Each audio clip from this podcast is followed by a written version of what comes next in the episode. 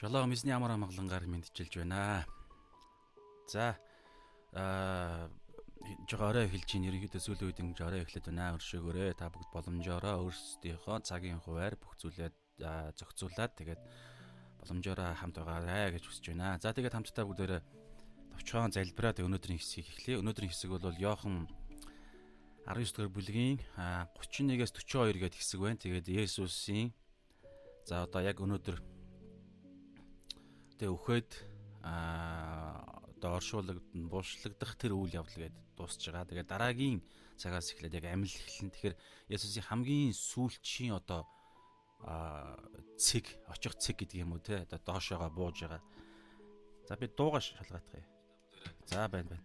За тэгээ бүгдээр хамтдаа залбираад эхлэе. Өнөөдрийн хэсгээ эзэн даатгаа тэгээ зүрх сэтгэлээ бас даруусгаад гайхалтай мөнхийн үннээс үнэнтэй холбогдохын төлөө бүгдээр хамтдаа зүрх сэтгэлийнхаа гүн рүү даруугаар бүгдээр очицгоо эзнийхээ сүнс рүү сүнсэнд найдаж эзэндээ найдаж аавдаа найдаж эзэн минь энэ цагийн төлөө талархаж байна тэгээд өнөөдрийн цагаар дамжуулан тэгэхээр орой ихсэн ч гэсэн эзэн мах бодонд минь оюун санаанд минь даруй байдлыг мах бодонд минь та хүчийг сүнсэнд минь та төлөвшөлт шинжлэлт шин бүтээлийнх бүтээлтэйгээ ойртоход та туслаарай ариун сүнсээрээ дамжуулан эзэн Есүс Христийн дотор бурхан аав руу хандж байна амин. За уншия. За Оо. Энийг асаагаагүй шүү дээ. За, одоогоо гэрэлтээд. За тэгээ бүгд хамтдаа хараад явъя. За тэгэхээр за тэгэхээр шууд уншия. Йох 19:31-ээс 42. Есүсийг жадалсан нь гэдэг гарчиг Есүсийг оршуулуу гэдэг хоёр гарчиг байна. За тэр өдөр нь тэр өдөр нь бэлтгэлийн өдөр байсан бөгөөд амралтын өдөр зогтсуудыг загалмай дээр байлгахгүй тул за хаалтан дотор те бас тэр тэр нь амралтын өдөр нь тэр амралтын өдөр нь онцгой өдөр байсан гэж байна. Аа загалмай дээр байлгахгүй тул тэдний хөлийг хуулж тэднийг зайлуулахыг Пилатас гуйжээ. Цэргүүд ирж Есүстэй хамт цовдлогдсон эхний болон нөгөөгийнх нь хөлийг хугалав. Харин тэд Есүс дээр ирж хэдийнэ өгсөн байхыг нь үзээд хөлийг нь хуулсангүй цэргүүдийн нэг нь түүний хажууг нь жадлахад цус ус гоожлоо. Харсан нь үүнийг гэрчлэв. Түүний гэрчлэл үнэн бөгөөд та нарыг та нарыг ч мөн итгүүлэхийн тулд үнэн ярьдаг гэдгээ тэр мэднэ. Бичүүд түүний нэг нэг ч яс хугарахгүй гэсэн нь биелэгдэхийн тулд эдгээр нь болжээ. Тэд жадлсан нэгнээ харах болно гэж мөн бичвэрт гардааг. Үүний дараа Есүсийн цогцсыг авахын авахыг Ариматын Йосеф Пилатас гуйсанд Пилат зөвшөөрч Йосеф Юдээгээс имээс Юдэчүүдээс имээсэндээ нууцаар Есүсийг шав Есүсийн шав байсан юм аа. Тэгээд тэр очиж Есүсийн цогцсыг авчаа. Нь шөнөөр Есүс дээр ирж байсан Никодем мир 100 настын 100 литр хольц авч ирв. Тэд Есүсийн цогцсыг авч Юдэчүүдийн оршуулгын заншил ёсоор анхлын үнэртэнтэй майланган давуунд оров. Оров Түүнийг цовдлсон газарт цэцэрлэг байсан бөгөөд тэнд хэнийг ч юр тавьж байгаагүй шин хатан булш байлаа. Тэгэхэд юдэчүүдийн бэлтгэлийн өдөр байсан бөгөөд тэр хатан булш ойрхон байсан тул тэд Есүсийг тэнд тавьжээ. Амен. За тэгэхээр өнөөдрийн хэсэг бол за жадал Есүсийг жадалсан хэсэг гэдэг нь бол хамт байгаа хэсэг сайн мэдэхгүй. Ямар ч гэсэн Өнөөдрийн хэсэг Мата 27-гийн 32-оос 56, Марк 15-21-оос 41, Луг 23-ын 26-аас 49 гэсэн хэсгүүдээр өнөөдрийн хэсэг байна. Тэгэхээр яг өмнөх ишлэгийг бүгдээр нь уншаадах да. Өнөөдрийн үзэж байгаа хэсгийн 31-ээс өмнөх 30 дугаар ишлэлийг Йох 19 юм. Есүс цууг амсаж гүйцэлдлээ гэд тэргүүнээ гудайлхан сүнсээ өргөжээ. За өнөөдөр би судалж байхад бас нэг нэмэлт зүйлийг би өмнөх тетелестай тетелестай гэдэг нэг үг байгаа шүү дээ. Тэг гүйцэлдлээ. Бүх зүйл дууслаа, гүйцэлдлээ гэдэг энэ үг tetelestai гэдэг tetelestai. За энэ үгний үгний дөрвөн хэрэглээ байд юм байна л да. Нөгөө нэг тухайн цаг үедээ энэ үгийг те одоо энэ хин Есүс загалмай дээр хамгийн сүүлийнх нь үгтэй. Тэгэхээр энэ үед тухайн цаг үед те түүхэн хам сэдв гэж хэлж болно. Тэр үедээ дөрвөн хэрэглээ байд юм байна. Бүгдээ нэг товчхон хараадах юм. Зарцнаар эзнийхээ хэлсэн хий гэж хэлсэн тушаал үүрэг даалгаврыг хийснийхаа дараагаар нэзэн дээрээ очиод tetelestai гэдэг энэ грек үгийг хэлдэм байна. За би дуудлах муудлахыг балж байгаа хөө.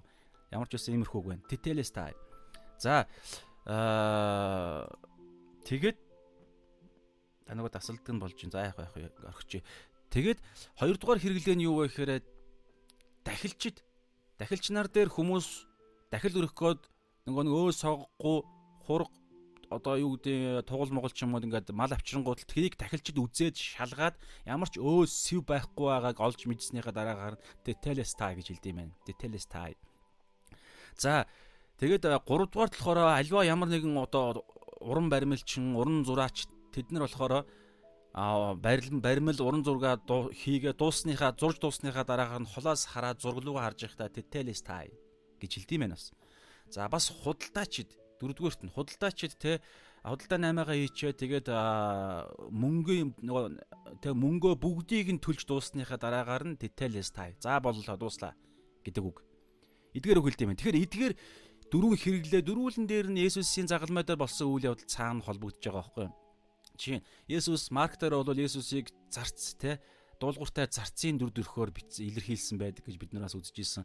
Тэгэхээр Есүс бол те эзнийхээ аавынхаа дуулууртай зарцсан боолн болж энэ дэлхий дээр Филиппо 2-ын 6-аас 11 дээр байгаа те боолын дүрийг авч хүний дүрийг авч доошоо дуулууртай те тэрхүү загалмай үйл явдлын төлөө ирсэн. Тэгэхээр Есүс аавынхаа хийгсэн тэрхүү тушаал үүрэг даалгаврыг бүр ертөнцийн суураас өмнө гэж бас үзэж байгаа.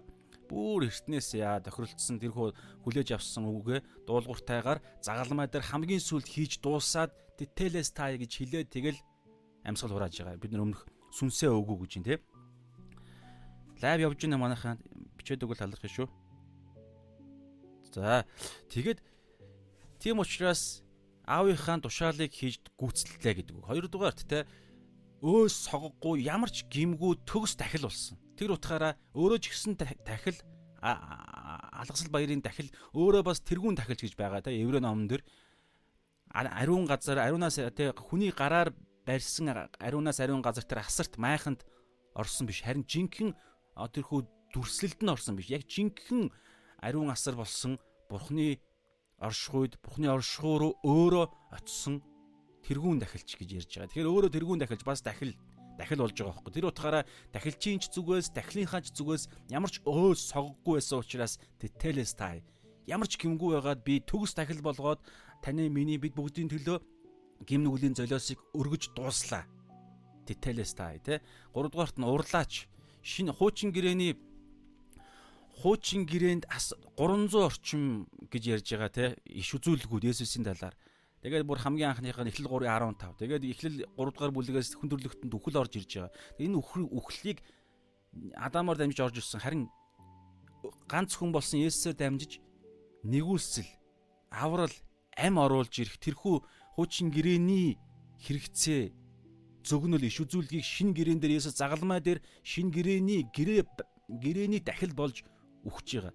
Энэ утгаараа ирсэн зорилго нь нөгөө цаг нь яг биелээд төгс хийж дууссан учраас деталээс тай худалдаачин худалдаачин тэд а 8 хийхдээ өр төлөөсийг нь төлбөрийг нь бүгдийг нь өгж дуусаад тэгээд деталээс тай бидний гмийн төлөөс бүх гмийн төлөөсийг Есүс загалмай дээр өөр дээрээ гин нүглүүдийг авснараа Тэтэлээс таа гэд бид нарыг өргүү болгосон.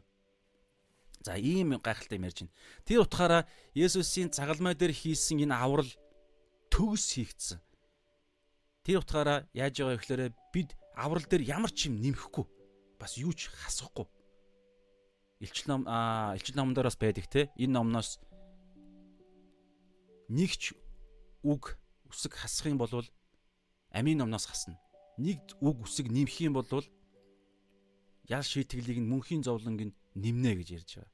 Өөрөөр хэлбэл яг л цор ганц Есүсийн үгээр л амьдрна. Зөвхөн Есүс дотор гэдэг санаа цаана явж байгаа. Тэр утгаараа бид нар те аврагдсан эзний төгс хийгдсэн тэтэлээс таа гэж хэлэл бүгдийг төгс хийсэн тэр нэгний авралаар авралыг авсан мөртлөө бид те аврагд авралдаа итгэлгүй авралдаа эргэлзэж тэгээд бидний сайн байдлаар бидний нэгэн хичээл зүтгэлээр аврал маань бодиттой болох юм шиг гүйцэд болох юм шиг ойлгож явбал бид бурхныг доромжилж байгаа хэрэг гэж байгаа байхгүй. Аврал үнгүй өгч гисэн. Гэтэл те би дорой байснаа алдаа гаргадаг гим нүгэл үлдгээсээ болоод аврал маань дутуу байна. Тэгэхээр би сайн байхгүй бол аврал маань гүйцэд байж чадахгүй гэж байгаа нь Есүсийн загалмаа дээр тэтэлээс таа гэд гүйцэд гүйцлээ гэж хамгийн эцсийнхээ хүчийг бариад хүчийг хүчээрээ орилоод сүнсээ өгсөн тэр төгс ажлыг бид нэр доромжилж гинэ гэсэн үг байгаа байхгүй юу? Тэр утгаараа бид бүрэн тэр төгс зүйлд итгэж найдах хэрэгтэй. За тэгээ энэ үгийг хилээд яасан бэ гэхээр өнөөдрийн хэсэг явж байгаа. Явж байна бүгд зүгээр байна. Аа за баярлалаа.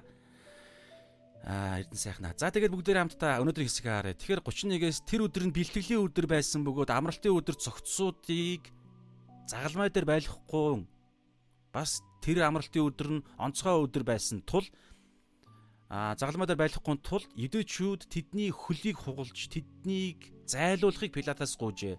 За энэ дээр энэ дээр би нэг гайхаж бодож явдаг нэг гайхаж явдаг нэг асуултанда хариулт авах гэж өнөөдрийн хэсэг дээр байгаа учраас хариулт хайх гэж оролдоод нэг боломжоор нэг жоохон баримжаа авлаа. Гэхдээ л судалгаа хэрэгтэй байна. Ямар судалгаа вэ гэхээр зөв яг нэг нэг асуулт байгаа байхгүй.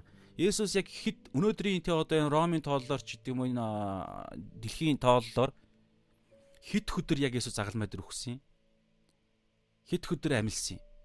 Өгсөн амилсных нь хооронд нь 3 өдөр 3 шөнө гэдэг хэллэг Библиэлд байгаа.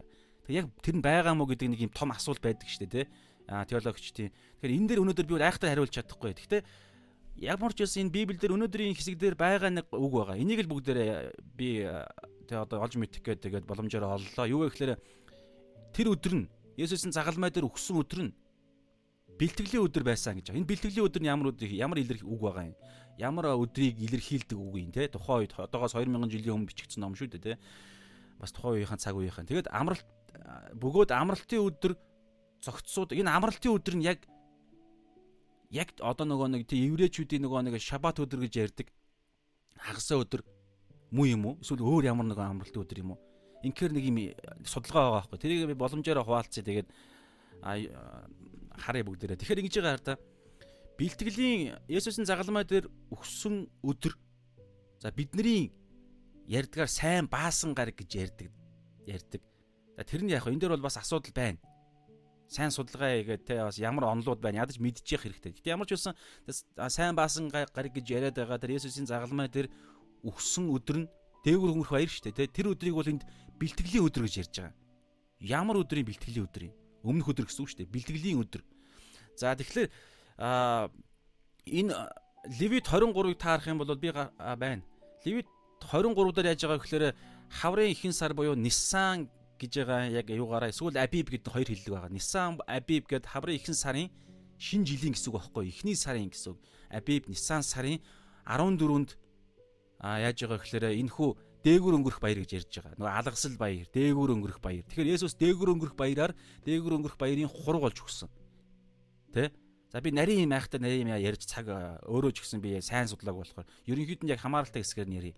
Тэгэхээр дээгүр өнгөрөх баяр Есүс өгсөн. Энэ дээгүр өнгөрөх баяр нь тухайн үедээ нэг өдрийн өмнөх бэлтгэлийн өдөр байгаад байгаа байхгүй юу? Тэр утгаараа энэ бэлтгэлийн өдөр гэж хэлж байгаа. А тэгвэл ямар өдрийн бэлтгэлийн өдөр юм гэхээр энэ дээр харах юм бол амралтын өдөр цогцсууд маргааш нь буюу тэр амралтын өдөр гэдэг санаа ярьж байгаа. Гэхдээ энэ нөгөө нэг 7 хоног болдог амралт биш. Жилд нэг удаа болдог. За яг хөө жилд нэг гэж хэлж болох нь эсвэл 3. Ямар ч үсэн гэсэн 7 хоног болгон болдог тэр амралтын өдөр биш байгаад байгаа байхгүй юу?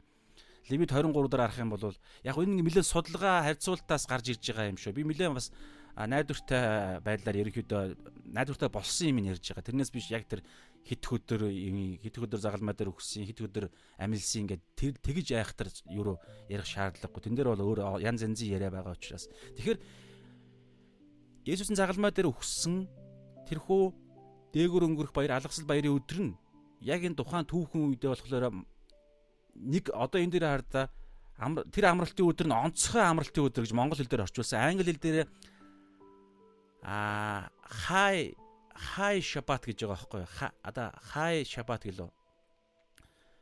Англи хэл дээр би яатсан байна. Ямар ч сан хай гэдэг хай амралтын өдөр нөгөө хамгийн онцгой тэг нэг оргил гэсэн санаа байгаа байхгүй юу? Тэгэхээр яг энэ монголоор л явъя те тэр наны шиг юм яг. Тэгэхээр онцгой амралтын өдөр. 7 хоног болгон хийдэг амралтын өдөр биш онцгой нэг амралтын өдөр байгаа байхгүй. Тэгэхээр тэр онцгой жилд ерөнхийдөө 3 гэж бодож байгаа юм. Одоо энэ дид хөл 16-гийн бүгдээрээ 16 гарахаар нэг э, жил болгон 3 баярыг ярддаг. Одоо бүгдээр уншил та. Одоо асуулт тавьж болно шүү. Гэтэ яг төгсгөлд нь ингээд тайлбарлаа дуусгаар ойлгох байх гэж найдаж байна. За Дэд хууль 16-гийн 16 16 дээр ингэж байгаа юм. Жилд 3 удаа танай бүх ирчүүд түүний сонгох газарт за Иерусалим эсгээгүүд алхны баяр нэгд өдөр нэгд баяр нь заавал очих хэвээр. Эсгээгүүд алхны баяр 7 хоногуудын баяр буюу Пентекостийн өдөр гэсэн майхан баяр гэсэн энэ гурван баяраар эзнийхээ өмнө үзэгдэх ёстой. Тэгээд гар хоос очиж болохгүй буюу дахил өргөх ёстой гэдэг юм ярьж байгаа. Тэгэхээр эннийх нь энэ гурван баяр баярын өдөр ярьж байгаа. Тэгэхээр магадгүй энэ гурван баяр Баяр бол баярын тэр нэг үед амралтын өдөр хэрэг яригдвал одоо энэ онцгой гэдэг амралтын өдөр чинь байгаад байгаа байхгүй. Тэгээд энэ шаббат өдөр нь энэ амралтын өдөр шаббат өдөр гэдэг байгаа заавал хагасаа өдөр таарах албагүй байгаа байхгүй. Хамгийн сонирхолтой.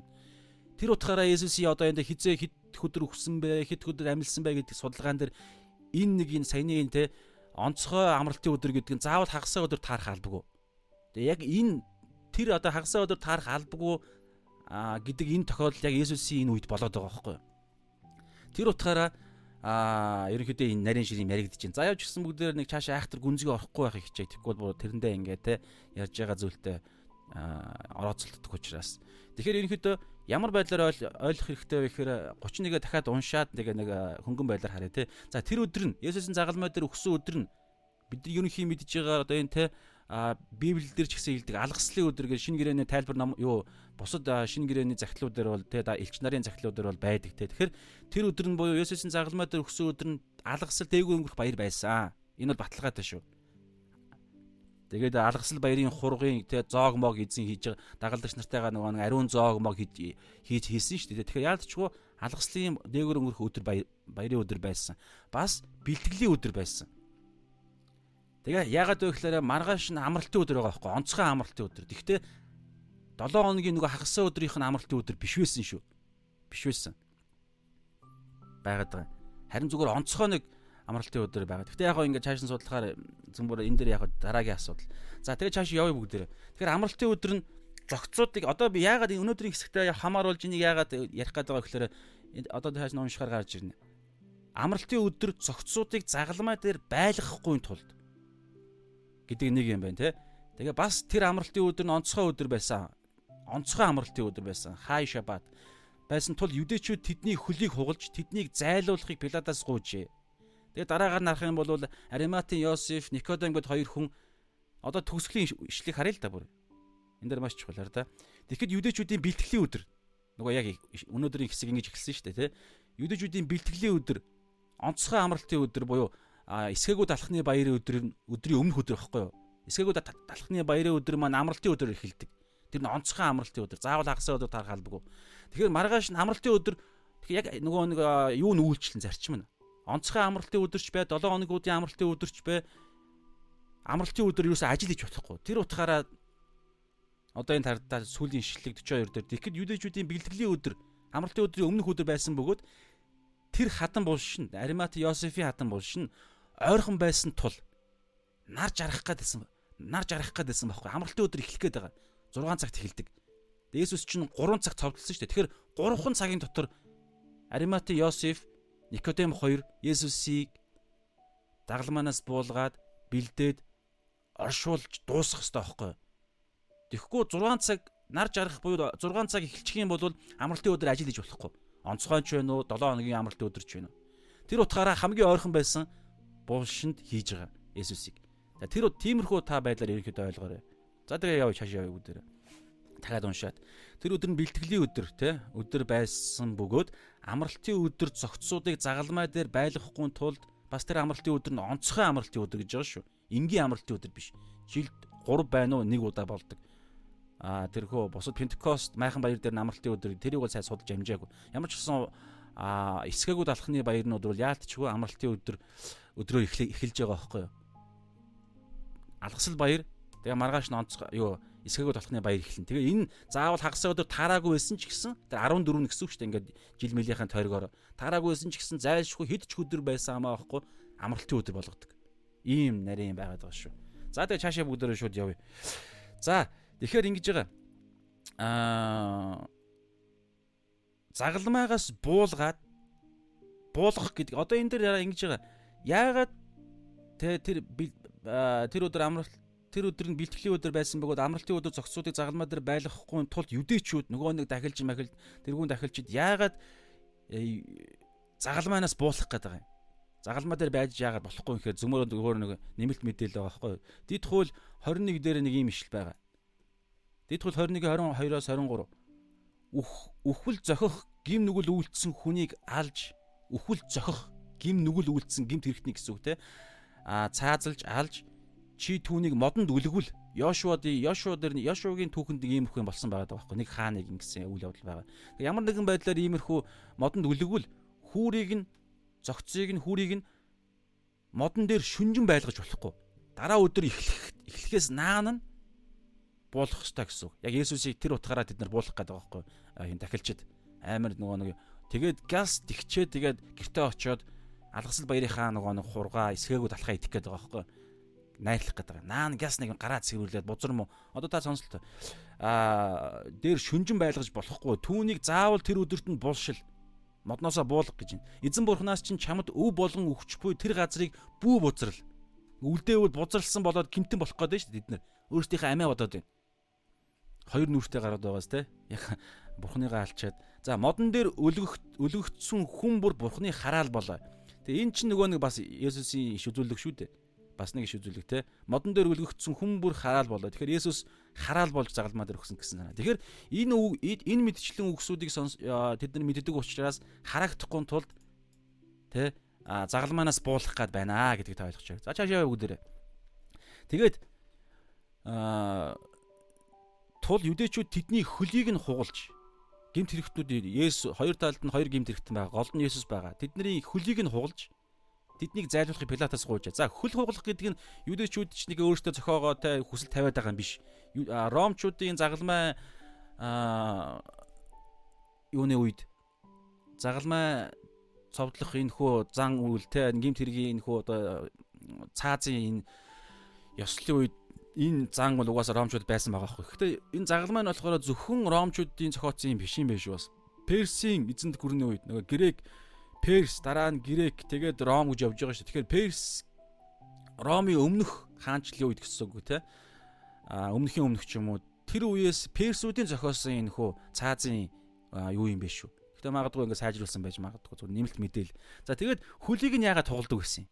Яагаад хөлнөө уулах байгаа юм те?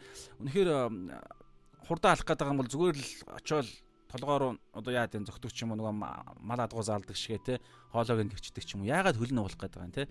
Хөлн уулахаараа тэг өгөх юм уу? Тэгэхээр ерөнхийдөө бол нэг юм байгаа шүү дээ. Та урд нь сонсч ирсэн үгүй юу?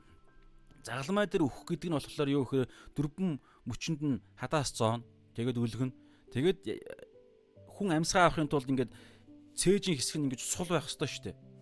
Ингээд нэг юм яг ингээд дээшээ гар нь дээшээгээ өргөгдчихөөд тэгээ доошоогоо бүх биеэрээ доошоо ингээд хүндийн жингээрээ доошоо буухаар амьсгал авах чаддгүй гинэ. Тэгээ амьсгаа авахын тулд зайлшгүй ингээд чэжи өргөж ирж ягаад гарн дээрээ ингээд босч ирж ягаад амьсгаагаа аваад тэгээд буцаж буугаад дахиж гаргахын тулд дахиж баг ингээд юм аашаа нэг иймэрхүү юм байсан юм байна л да. Тэгээ ингээд нэг тулгуур гол эрэхт нь хөл байгаад байгаа байхгүй. Тэгээ өмнө ч гэсэн үтсэн штэ. Заримдаа хөлнийхэн доор нэг юм мод хатдаг. Ягаад вэ гэхээр амьсгалуулахад нь дэм болохын тулд яагаад тэгээд байгаа удаан зовоохын тулд тамлахын тулд ромчууд ингэж тэгээ хэдэн өдрөөр 2-оос 3 өдөр гэж байгаа. Зарим тохиол онцгой тохиол би минь сул эрхт гимд эрхтэн байх юм бол нэг өдөр. Доод удлаа удлаа биш тий хурдан өглөө ихэд зайлшгүй 24 цаг болдог. Гэтэл Есүс ч 3 6хан цаг штэ тий. Аа тэгэд аа удлаа хурдан байл өглөө гэхэд нэг өдөр. Тэгээд зарим тохиолдолд бүр онцгой тохиолдлууд нь дөрвөн өдөр хүртэл тэгэж амьд байдаг байсан тохиол байгаа байхгүй. Тэгээд за ямар ч байсан 2-оос 3 өдрийн дотор ингээд 3 өдөр ингэж тамлагдахын тамлагдаасаа гэдэг байдлаараа тэд нарыг ингэ зовоохын тулд доор нь ингэ тулгуур гэж өгч байгаа. Амьсгалах боломжийг нөхөхийн тулд. За тэгэж зоож байгаа. Тэгээд үхлээ. Дараагаар нь яаж байгаа гэхээр зөгцийг нь байлгаал гэдэг гинэ. 7 хоногоор баг магадгүй хэдэн 7 хоногоор тэгээд шоу муу ирээл тэгэл ингээл бүр ингээл аим шигтэй үзэхийн аргагүй. Тэгээ эн чинь нөгөө хотын хойхон талд нь хотынх нь гадаах нь маш ойрхон байгаа шүү дээ тэгээ тэрүүгээр явж байгаа юдүүчүүд бүгд харна. Бүгд харна. Тэгээд ромчуудаас айж имэх зоригтой ийм зоригтой байсан. Тэгээд тэр утгаараа хөлн дээрээ ингэж тулгуур аваад амьсгаа авдаг. Тийм учраас одоо энэ юдэчүүдийн хүсэлтээр маргааш одоо ингээд бидний онцгой амралтын өдөр юм аа буюу эсхэгүүд алхны 7 хоногийн баяр эхлэх гээд байгаа байхгүй юу? Өнөөдөр бол дээгүр өнгөрөх баяр. Дээгүр өнгөрөх баярыг яг маргаашаас нь эсхэгүүд алхны 7 өдрийн баяр эхэлдэг. Тэгээд тийм учраас энэ дөрөвний дид хул 21-ийн 22-оос 23 хүн хилдэг ч юм уу яадаг чинь тэгээд та эдгэр хүмүүсүүдийг ингээ хөлийн нуглаад ингээд буулгах хэрэгтэй байна. Хурдан өхүүлэх хэрэгтэй байна. Тэгэхгүй бол ингээд бид нар энэ бидний хууль ёсонтой зан үйлд ингээд бузар муу байна гэд. Тэгээд зөвшөөрөөд тэгээд хөлийг нь хугалж байгаа. Хөлийг нь хугалахаар яаж байгаа гэхээр үхэхгүй шүү дээ. Хөлийг нь хугаллаа. Айхтар мэдээ зовно. Гэхдээ хамгийн гол нь яаж байгаа гэхээр маш хурдтай тэд нар амьсгал нь боогдож өхнө гэсэн. Хөлнийхөө өвчнөдөө биш. Одоо та хэдэн секунд хүн хэдэн секунд амьсгаа барих юм. Том Круз би ганц мэддэг хүн бол Том Круз л байна л да. Том Круз 6 минут 30 секундыг л нэг Mission Impossible хэд дээр нь ч байна да. Нэг кинонд орохын тулд 6 минут 30 секундын усан дор барьсан нэг тийм рекорд байгаа байхгүй. Тэрнээс өөр рекорд байдаг хэсгийг мэдэхгүй байна. Тэгэхээр та бодолтой. За том гүрүүс. Гэтэ наа чинь тэгээд хадаас мадаасандаа ингээ хатгуулж байгаа, дашуурдуулж байгаа тий. Тэгэхээр яаж ч утсан за өсрөөл нэг хэд 3 минут болох юм уу, минут болох юм уу. Тэгэхээр амьсгаа амьсгаанд боогдож өөх өөх нь илүү хурдан уу? Би бол хит ч болт юм. Минут чүрх өрөхгүй шүү дээ өсрөө хэдэн минут. Тэгэхээр амьсгаа боогдож өөх нь хурдан өсгүү бол хөлөө хуглуулсан тэрхүү шархнаасаа болж өөхөж өөх нь хурдан уу? Амьсгал богдох нь хамаагүй хурдан шүү дээ, тэ. Тэгэхээр хөлийг нь хуглаад тэгээд амьсгалах боломжийг нь байхгүй болгоод амьсгалыг нь богдож алах зорилготой. Ингиж хугалж байгаа. Ийм юм та байгаа. Хурдан өхүүлэхийн тулд Гэхдээ бас зовж тамлаг тамалж өгөх яхын тулд тэгээд харахаар аймаг үзүү аим хөлбөл нь уурцсан тий. За тэгээ хоёр хоёр талд байгаа хоёр гимтний хөлийг нь хугалж байгаа. Тэгээд нэг зүйл бас ингээд олж мэдсэн. Юу гэхээр хоёр талд нь байгаа хоёр гимт хэрэгтний чинь нэг нь бол бид нар үтсэн те. Нэг нь Есүст итгээд итгэсэн шүү дээ. Тэгээ Есүс хэлсэн. Өнөөдөр чи надтай хамт paradise буюу деважинд очино гэж хэлсэн. Деважинд те. Ерөнхийдөө ерөнхий байдлаараа за Тэнгэрийн улсаа гэж ойлгочих хэрэгтэй. Тухайн үед жоох ялгаатай байсан гэдгийг бас судалгаа байгаа шүү. Heaven, paradise гэх хоёр одоо нэг ялгаа байхгүй юу нь бол яг гоо тийм нарийн судалгаа модлогоос байгаад байна. За тэр нь бол гол юм бол биш. За тэгэнгүүтлээ ямар ч байсан нэг нь аврагдсан байсан. Есүс хэлсэн шүү дээ амлалтаа өгсөн. Есүсийн хэлсэн үг бол хууль. Тэгээ тэр тэр итгэл нь бол гарцаагүй байсан. Тэгэхдээ Есүс чи өнөөдөр надтай хамт Тэнгэрийн улс Деважинд очих болно. Тэнгэрийн улсад очих болно. Бурхан дээр очих болно, тэ? Сайн сайханд орох болно гэж хэлсэн. Өнөөдөр гэж хэлсэн. Тэгэж хэлсэн тэр даруй аврал өгдөж байгаа байхгүй юу? Өнөөдөр жишээ нь би за би зүгээр яг хизээ Есүст яг яг нөгөө нэг Ром 19 10-ын тэргүү тунхаглаар тэр төлөв байдал би хизээ шилжснээ би бол санахгүй байна. Тэгвэл 2003 онд би баптизм хүртсэн жишээ нь. Тэгээ би 2003 онд би баптизм хүртснийгаа зүгээр би яг Тэнгэрийн яг Есүс хажууд байгаа загалмай дээр байгаа хүнд те гарцаагүй авралыг тэр хүнд өгсөн шүү дээ. Тэрнтэй адилхан би 2003 онд гарцаагүй аврал надад өгөгдсөн. Төгс зөвтгөл хийгдсэн. Би ерөнхий тоогоор баримжаагаар ирж байна тэр хавцаал болсон. Тэгэхээр жишээ нь таны хувьд хизээ байж болох уу те? Тэгэхээр тэгсэн мөртлөө та одоо амьд байгаад байгаа. Би амьд байгаад байгаа. Яг Тэнгэрийн улстай би ороогүй. Тэрнтэй адилхан энэ гимт хэрэгтэн Есүс тэгэж хэлсний дараагаар нь үргэлжлүүлэн зовсон. Одоо хар та. Одоо яаж байгаа гэхээр дахиад хөлийг нь хугалж байна. Яг Тэнгэрийн улсад орох нь баталгаатай болцсон ч гэсэн энэ дэлхий дээр үхвээгөл байгаа бол наан нь зовлон яригдж байгааз. Энтэй хамааралтай би нэг хэл зүгээр санаанд орсон шууд хэлчихье. Матай 10:22-оос 23 дээр нөгөө 10 хавчлага зовлоо айсав. За энэ 10 дугаар бүлэг бол тэр чигээрээ эхлэхдээ бол 12 илчээ сонгоо тэгээ 12 илчээ илгээж байгаа нэг энэ бүлэг байгаа байхгүй. Тэр тэгээ энтэй хамааралтай хавчлага зовлон мовлон юу болохоос нь өмнө бүх зүйлийг нь эзэн сануулад анхааруулад хүчийг нөгөөд чөтгөрүүдийн хөө хөвчий идэх бүх хүчөө өгөөд бүх мэдлэг мэрэгэн ухаан бүгдийг нь өгөөд тэгээ илгээж байгаа хоёр хоёроор нь энэ бүлэг байхгүй. Энэ бүлэг дээр нэг юм үг хэлсэн. Матай 10-ын 22-оос 23 дээр. Энэ маш чухал үг. Миний нэрээс болж бүгд та нарыг үзий ядан. За энэ бол миний хавчлагтай хамааралтай үг нь. За одоо энд энд сонсороо та. Харин эцсээ хүртэл тисн нь аврагдах болно. Энд яригдж байгаа эцэс гэдэг нь хизээ. Энэ дэлхий дээрх цаг дуус хүртэл гэсэн үг. Тэгэхээр энэ дэлхий дээр бид цаг бидтэй шууд шууд хэлэхэд бол бид үхээгүй амьд л байвал бид дэвчих шаардлага зайлшгүй байсаа л байна гэсэн. Амьд л байгаа цагт сатан биднэр лөө дайралт хийсээр л байх болно. Амьд байгаа цагт сорилт орж ирсээр л байх болно. Хоёр сорилт ярддаг штэ. Нэг нь итгэлийн сорилт. Нэг нь гим нүглийн сорилт гэдэг. Гим нүглийн сорилт нь та нар битгий ор гэж эзэн бид нар хэлдэг. Орохгүй байх боломж нь байгаа. Ариун зөвхөн ариун сүнс түүний үг ба сүнсээр нь а итгэлийн сорилтанд сорилт болохоор яаж байгаа гэхээр ирдэг. Ким нүглийн сорилтанд орохгүй бид те ариун сүнсээр зүвт явж чадж байгаа ч гэсэн итгэлийн сорилт бол ирдэг. Есүс итгэлийн сорилтанд орж исэн. Тэгээд ялж исэн. А Есүс гим нүглийн сорилтанд орж исэн нөгөө бол миний бодлоор бол Есүс гим нүглийн сорилтыг хизээч өөр юм болгож байгаа. Магадгүй сорилт ингэж түүний дээр түүн рүү санаархаж исэн байж болно. Библиэлд байгаа шүү дээ. Бүх талаараа бидэн шиг соригдсон гэж ярьж байгаа. Еврей дээр байгаа. Тэгэхээр гим нүглийн сорилтон ч гэсэн аль алинд нь орж исэн. Гим нүглийн аль алийг нь Есүс юусоо унж байгаагүй. Миний хэлэх гээд байгаа санаа юу вэ гэхээр аврал бидэнд аль хэзээ өгөгдчихсөн. Тэгсэн мөртлөө хараахан бид аврал маань бодиттой болоогүй байгаа гэж ярьдаг.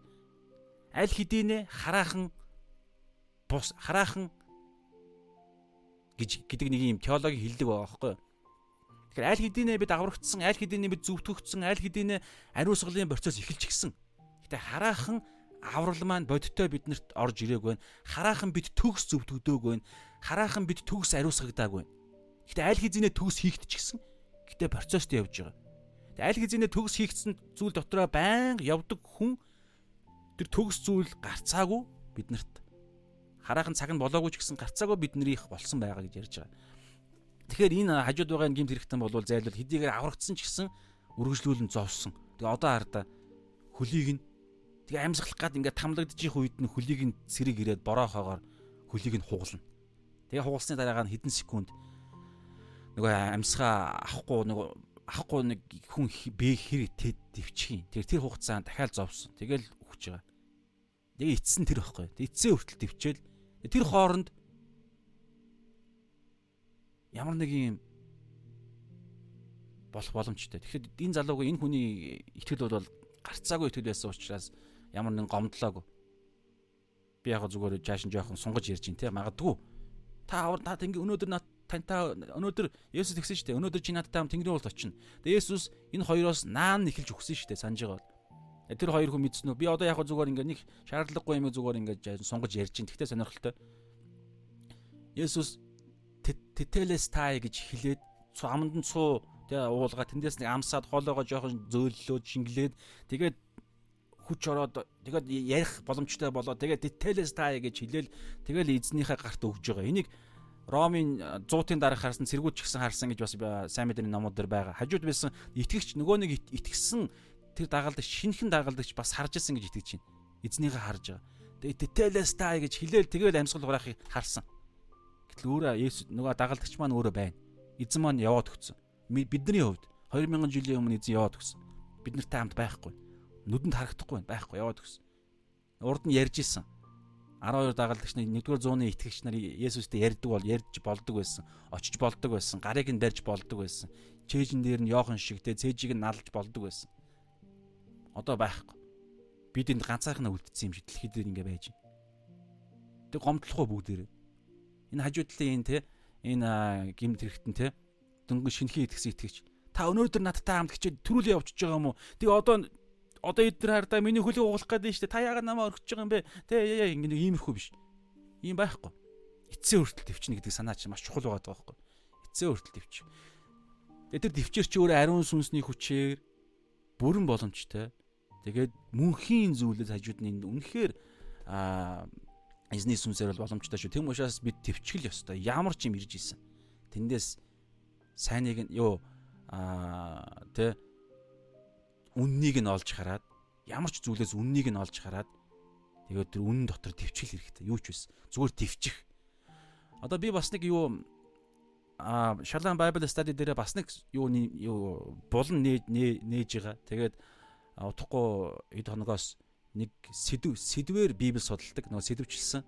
Тэгээд одоо эхнийх нь бол хүсэл ачаалаа хэрхэн ялах вэ гэдэг сэдв бас судалж эхэлж байгаа байхгүй. Тэрэн дээр бол яг энэ нас яригдчихэж байгаа дэвчих гэдэг нэг ойлголт байгаа байхгүй юу? Дэвчих, эсэргүүцэх. Итгэлийн амьдралд энэ зайлшгүй байгаа байгаа шүү. Зайлшгүй байгаа. Бүх зүйл ингээд нэг те өө ингээд нэг юм ариун сүнс ингээд ариун сүнсээр явна гэхээр те ингээд ямар ч ингээд зовлон мэдрэхгүй ингээд та муухай үг мөг хэлээл бидний хавчингууд л юу ч ингээд нэг юм бүх зүйл сайхан болдог юм байхгүй байхгүй. Есүс ч ингэж амьдраагүй. Энэ дэлхий дээр байгаа зайлшгүй дэвчих юм ярьдаг. Тэр утгаараа Матай 20 10-ын 22-оос 23 дээр эцсээ хүртэл дэвчсэн нь л аврагдана гэж ярьж байгаа. Есүс тэгж төвчсөн учраас Есүсийн сүнсээр л бид чаднаа гэж байгаа. Тэгээ илүү цаана гоё юм байж хүн төвчдөг те тэр гоё зүйлтэйгээ холбогдсон уу? Илүү тэр нэг гоё зүйлийн төлөө та төвчнэ гэдэг юм яригдэн шүү. За тэгээд бүгдээрээ цаашаа харъя. Одоо бүгдээрээ маш чухал нэг гоё юм бас юм би олж мэдсэн. Тэн дээр юу байгаа вэ гэхээр лайв зүгээр явж байгаа хаа тий. Миний лайв байхгүй байгаа. Гэтэ улаан байхгүй саарл болцсон байна. Гэтэ явж явах явж явах шиг байна. За одоо ард ингэж байгаа 19-ийн юун дээр аа 31 31 дээр те сая үздсэн бид нар хөлийг нь хугалж тэднийг зайлуулахыг Пилатаас гуйсан. Тэ? Пилатаас гуйсан. Тэгээд тэр за 32 л орё. Тэрнээс наан би нэг зүйлийг орхисон юм байна. Тэгэхээр Матай 10-ын Аа за баярлалаа зүгээр байна. Матай 10-ын 22-оос 23 дээр түр ярьсан эцээ хүртэл төвчих гэдэг нэг юм байгаа. Бас нэг зүйлийг би хэлэхгээ мартчих. Тэрэн дээр нь юу гэхээр 22-ыг 23-ыг таардаг. Харин энтэй хамааралтай маш чухал хэсэг. Харин тэд 22-д ингэсэн шүү дээ. Миний миний нэрээс болж та нарыг бүгд үзий ядна. Харин эцээ хүртэл төвсөн нь аврагдах болно. 23. Харин тэд та нарыг энэ хотод хавчвал өөр хот руу зүгтцгаа. Үннээр би та нарт хэлье. Хүний хүүг ирэхээс нааш та нар Израилийн хотуудаар явж дуусахгүй Энийний цаана маш чухал энэ хамааралтай нэг юм байдаг байхгүй. Одоо жишээ нь ингээд наа нарах юм бол те ингээд ерөнхийдөө бол миний төлөө амиа алд алдвал та нар амиа олох болно. Амиа хамгаалвал та нар амиа алдах болно гэдэг юм ерөнхийдөө явдаг. Тэгээд энэ дэр эцсээ хүртэл төвчих. Тэг үхэл ирэх хүртэл төвчээр тэгээд баг үхлийг хүлээж авах хэмжээний нэг иймэрхүү итгэлийн нэг юм тэ энэ нэг тууштай, дуулууртай зөвхөн эзнийхээ таал нийцүүлэх гэдэг юм ярьдаг. Гэхдээ энэний хажуугаар та 23 дугаар ишлэгийг харах юм бол нэг юм анзаарэгдэж байгаа. Үхэл ирсэн ч гэсэн үхлийг эцээ хүртэл төвчээд тэнд эцээ хүртэл Есүсийнхаа эсрэг Есүсийнхаа үгүйсэхгүйгээр эцээ хүртэлдээ үхлээс жаахгүйгээр итгэлээ хамгаалсаал байх гэдэг юм ярьдаг мөртлөө зэрэг нэг юм ярьдаг. Юу гэхээр 23 дээр харин тэд та нарыг энэ хотод хавчвал өөр хот руу цугтцгаа.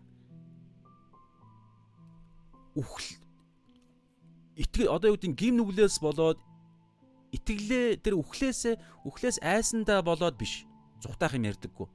Тэн дээр бол тийм ярихгүй. Харин юу гэхээр Есүсийг ирэх хүртэл үнээр би танад хэлье. Хүний хүүг ирэхээс нааш та нар Израилийн хотуудаар явж дуусахгүй буюу Есүсийг ирэхээс нааш энэ дэлхий дээр сайн мэдээ сонсох асар их хэрэгцээ байгаа.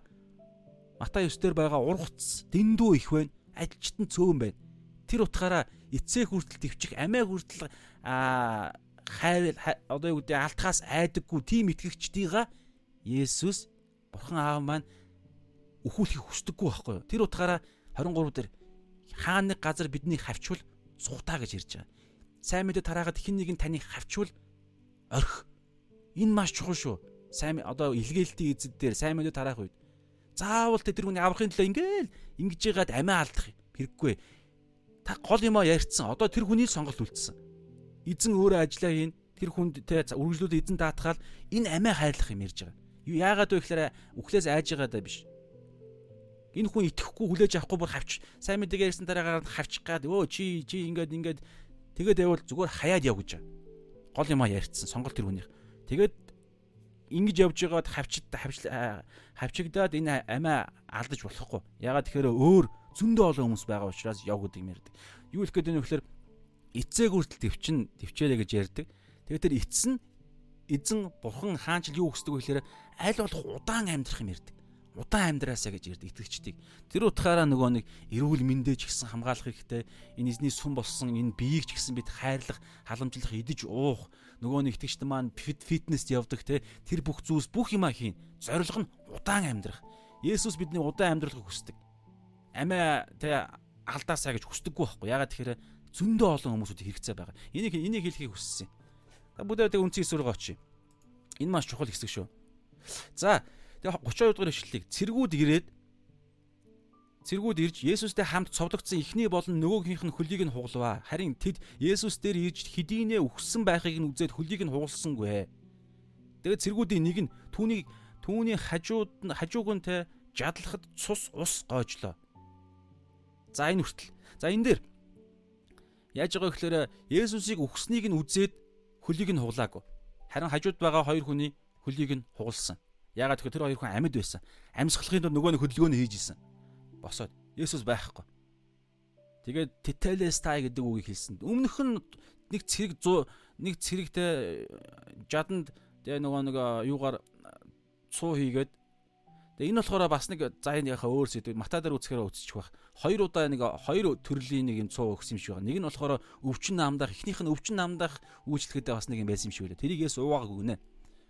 Зовлонгоо мэдрэх хэвээр тэр эцсийн хүртэл. Хоёр дахь нь бол зүгээр бас зүгээр уух юм байсан юм шиг байна. Тэрийг ямар ч байсан Есүс амсаа тэгээд тетелес тай гэж хэлсэн. Тэрийг нь сонссон.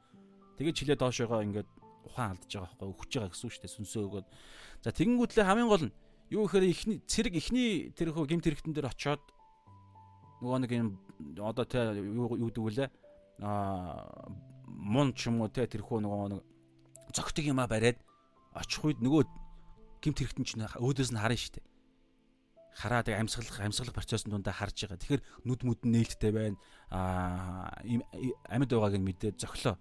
Есүс гол нь Есүс байгаа шүү дээ. Хэрвээ нэг цэрэг энэ энэ үйлдэлийг хийсэн гэвэл захын нэг цэргийг очиод зөглөө. Харсан чинь амьд байна. Зөглөө. Голд нь Есүс байгаа шүү дээ. Есүс рүү очисон чинь Есүс хөдөлгөөнгүй амьд биш байна. Тэгээд цаашаа алгасч байгаа байхгүй. А хэрвээ энэ дээр бол цэргүүд олон тондор байгаа. Тэгэхээр хэрвээ 2 ч юм уу 3 ч юм уу те олон цэргүүд байх юм бол шууд нэг нэгээрээ очлоо. Ямар ч үс Есүс дээр өмнө ирэх тэр цэрэг бол Есүсийг үхсэн байгааг харсан байгаа байхгүй. Энэ Библиэлд дээрж байгаас те. Харин тэд Есүс дээр хэдийнэ үхсэн байхыг нь үзсэн. Тодорхой мэдэгдсэн мэдэгдсэн байгаа байхгүй босод сайн мэдэн дээр ч хэлсэн дээ. Эзэн минь эцэг минь би таны гарт сүнсээ даатахыг гэдэг үг мөгч хэлсэн байгаа. За тэгээд Есүсийн хөлийг нь хуулаагүй. Хөлийг нь хуулаагүй. Амьд хүчсэн байсан учраас. Тэгээ энэ өөрөө Библиэлд байгаа иш үзүүлэг байсан. Тэд өөрсдийн мэдлэггүй. Зүгээр л тухайн үйл явдал дундаа үхсэн юм чинь хөлийн нугалаад яах вэ гэл өхүүлэх зорилготой хөл нь нугалж байгаа дээ. Хурдан өхүүлэх гээд тахын. Оо ашгүй ашгүй өхчиж. За боли. Тэгээ ер нь хүний тэг гимт хэрэгтнийг ч гэсэн цэрэг ингээ хөлийн нугална гэдэг чинь ингээд асар их те одоо юу гэдэг зүрхэн чулуудсан ч юм уу те нэлээд харгас үйлдэл штэ. Тэгэхээр тэр нэг муухай ямиг дахин тэгээ эн чинь нөгөө нэг нөгөө нэг 3 жилийн турш яригдчихсэн. Тэгээ сая бөө юм болсон. Пилат, Милат гэл ингээл ийм юм дунд ингээд имэц байгаад байгаа байхгүй тэд нарт. Тэгээ өмнө ч гэсэн харсан дээ. Аа за тэгээ цаашаа яваа бүгдээр Пилат хүртэл айжсэн те бүр. Тэгэхээр цэргүүд бол тэнд бол ямар ч нөлөөнд байсан байж тараад байгаа байхгүй. Тэгт дихтээ маргаантай байхгүй маргаантай. Тийм утгаараа одоо энэ 34 дээр цэргүүдийн нэг нь түүний хажууг жадалж байгаа юм. Яг өгсөн эсхийн цөмөөрө батлая. Бол болохгүй баларна. Тэр утгаараа шалгахын тулд жад. Тухайн Ромын жад бол нэг юм атгсан гарны хэмжээтэй нэг юм том. Тэгээд үзүүртэй ингээ те нэг юм кино монд гардаг штэ ийм жад байгаа. Тэрнээс гадна энэ дээр ч гэсэн бас нэг юм ишлээ байгаа байхгүй юу? Йохан 20-ын аа нөгөө Яхан 20 27 дээр Томс эргэлзэгч Томс за би уншил да өмнөх нь уншаад яг Есүсийн хэлсэн үгийг. Тэгээд Есүс тэр Есүс Томст хурууга наашинд хүрг гарыг минь үз гараа наашинд хүрг миний хажуу руу хий гэж байгааз хажууд нь Есүсийн жадны орон байгаа байхгүй? Тэр жаданд бол энэ гарны атгсан энэ алганы хэмжээтэй. Тэгээ миний хажуу руу гараа хий зүгээр дүр гэж байгаа байхгүй? Тэгээд итгэлгүй бус харин итгэлтэй бай гэхэд Томас түүнд эзэн минь. Тэгэхээр энэ 27-оос 28-ны хооронд Томас гараа хийсэн гэж үзэж хүмүүс үзэж байгаа байхгүй? Яг го тэгээд хийснийхаа дараагаар нь Томас түүнд эзэн минь, бурхан минь гэж хэлсэн санаа. Тэгээд Есүс түүнд чи намайг харсан учраас итгэв. Хараагүй атлаа итгэсэн нь илүү өрөөлтэй. Харж мэдэрсний дараа итгэж байгаа. Тэгэхээр Томас түүний гарлуу нь жадлынх нь мөрлөө гараа дүрж үзэж итгэсэн байгаа байхгүй. Тэгэхээр тийм хэмжээний том орон байсан гэсэн үг.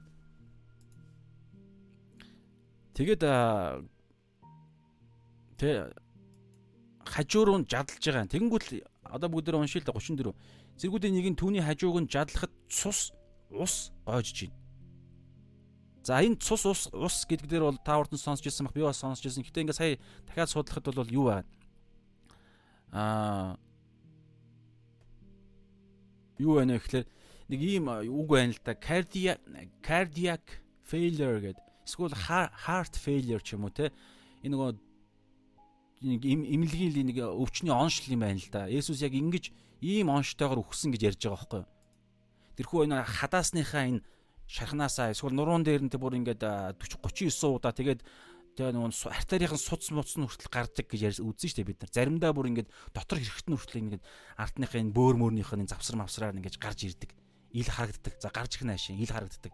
Тим хэмжээний амар э, дашуурд болсон штэ. Хитгэн цагийн өмнө. Хитгэн цагийн өмнө.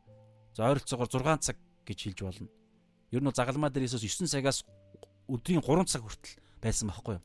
Энэ маш бага цаг. Ингээд ийм байдаггүй, ийм хурд өгөхгүй байхгүй хамгийн сул дорой бихтэй гимт хэрэгтэн байлаа гэж бодоход хамгийн багадаа 24 цаг бүтэн өдөр байгаад өгсөн тохиолдолд болвол юу ямар хурдан өгөх вэ гэж ярихаар дунджаар 2-оос 3 өдөр амьд явдаг гэж байгаа байхгүй амьд тэн дээрээ ингэж тарчлна ямар ч хүн аа би тэнхээ тэн 4 өдөр болсон тохиол байдаг гэж байгаа. Гэтэл Есүс чи хөлийг хугалаагүй шүү дээ. Яг л өөрийнхөө юугаар. Гэтэл Есүс 6 цаг. Тэгээд яг тэр хүү нөгөө нэг. Тэгэд энэ өгсөн шалтгаан нь юу гэхээр энэ энийг хэлээд байгаа байхгүй heart failure эсвэл cardiac failure гэдэг байгаа.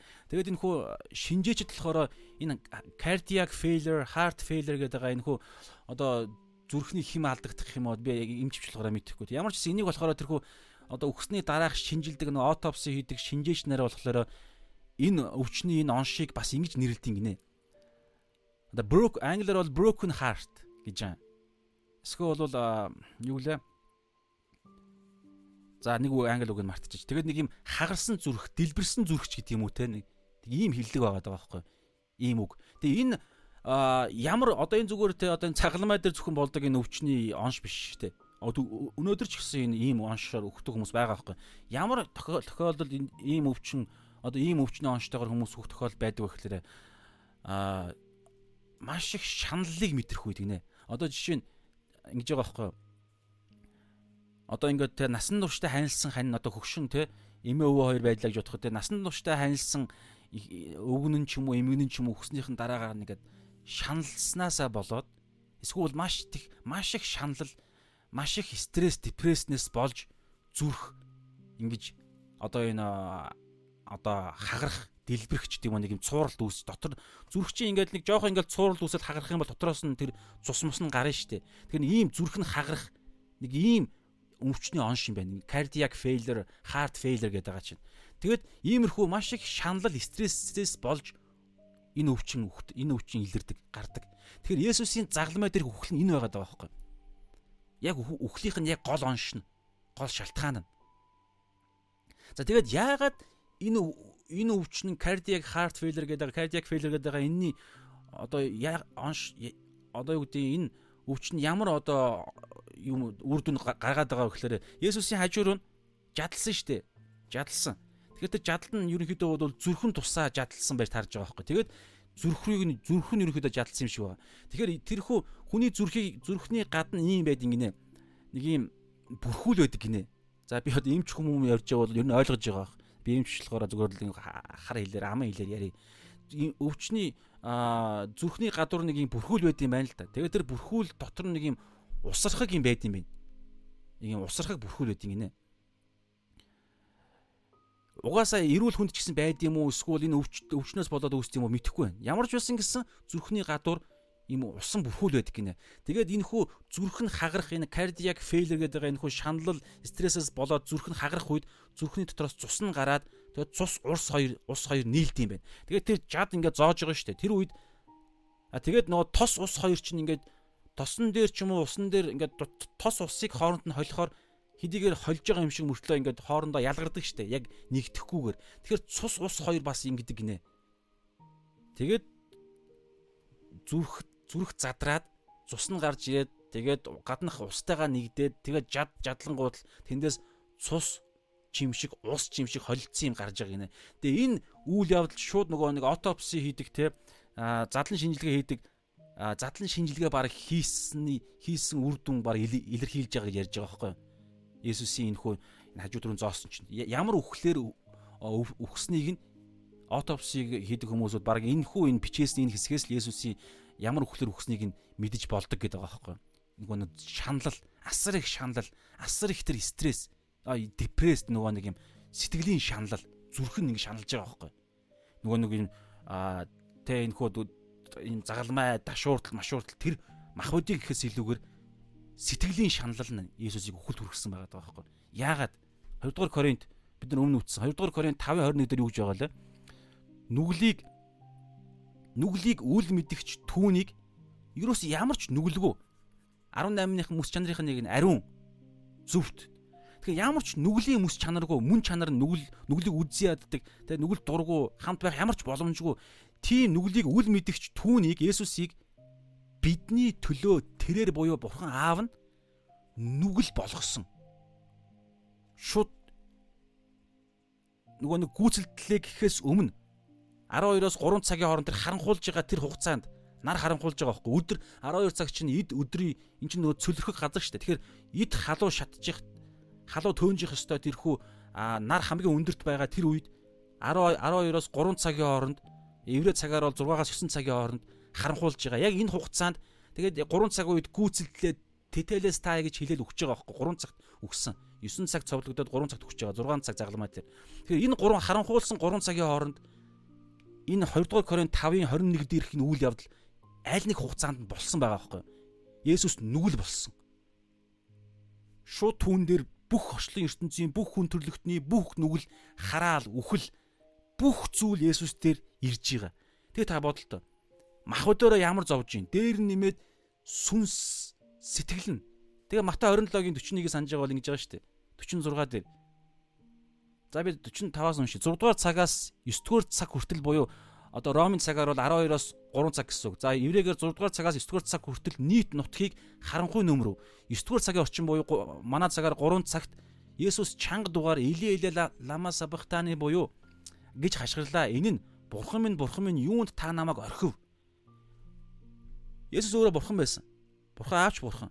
Тэгээ гурвал а Матай 3 дээр Есүсийн үйлчлэл эхлэхдээ л гурвал дандаа хамт явж ирсэн. Сүнс ариун сүнс тагтаа мэт бууж ирсэн. Есүс дээр тэгээд хөх хүртэл нь одоо яг энэ цаг мөч хүртэл ариун сүнс байн хамт байсан. Бурхан аав өөрөө тааллаараа буюу байнгын тэр холбоо хамаарлаараа тааллаараа гэж ярьж байгаа байн хамт байсан. Аав нь. Тэгээ яг энд яаж байгаа вэ гэхээр 2 дугаар Коринт 5:21-ийн дагуу Есүсийг нүгэл болгож байгаа байхгүй шууд бүх уур хилэн таны над дээр тань дээр над дээр байх ёстой. Бүх уур хилэнгээ 100% 18 мөн чанарын нэг нь 100% уур хилэн галтнуурд мөнхийн галтнуурд бурхан байна гэж байгаа. Бурхан хаасаагүй оршин дуул нам дээр байгаа. Үхсдийн оронд хүртэл та байдаг гэж байгаа Давидын дуул дээр. Тэгэхээр галтнуурд ч гэсэн бурхан байна. Тэгвэл тэнд нэгүслээрэ байхгүй. Хайраараа байхгүй. Бурханы уур хилэн гэдэг мөн чанар нь 100% уур хилэн галтнуурд байх аахгүй юу? Там там гэж ярьж байгаа. Тэгэхээр тэр тамийн галтнуур а 100% уур хилэн Есүс Есүс тэр одоо ирж байгаа байхгүй. Ягаад тэгэхээр Есүсийг нүгэл болгож байгаа учраас Есүс Бурхны аавынхаа уур хилэн өөр дээрээ авж яана гэсэн. Тэг өөрөө ч гэсэн нүгэл дургу штэ. Тэгэхээр энэ үед Илээле ламас сабахтаны буюу аа бурхан аав нь яарда аяндас ааваа гэж хэлэхгүй байгааз бурхан минь бурхан минь. Тэг боол бүтээл бүтээгч харилцаар орж байгааз бурхан минь бурхан минь ааваа ааваа гэ. Бурхан минь бурхан минь. Юунд та намайг орхив? Ингэж яагаад юу болчихваа гэдэг гайхсан байдлаар биш.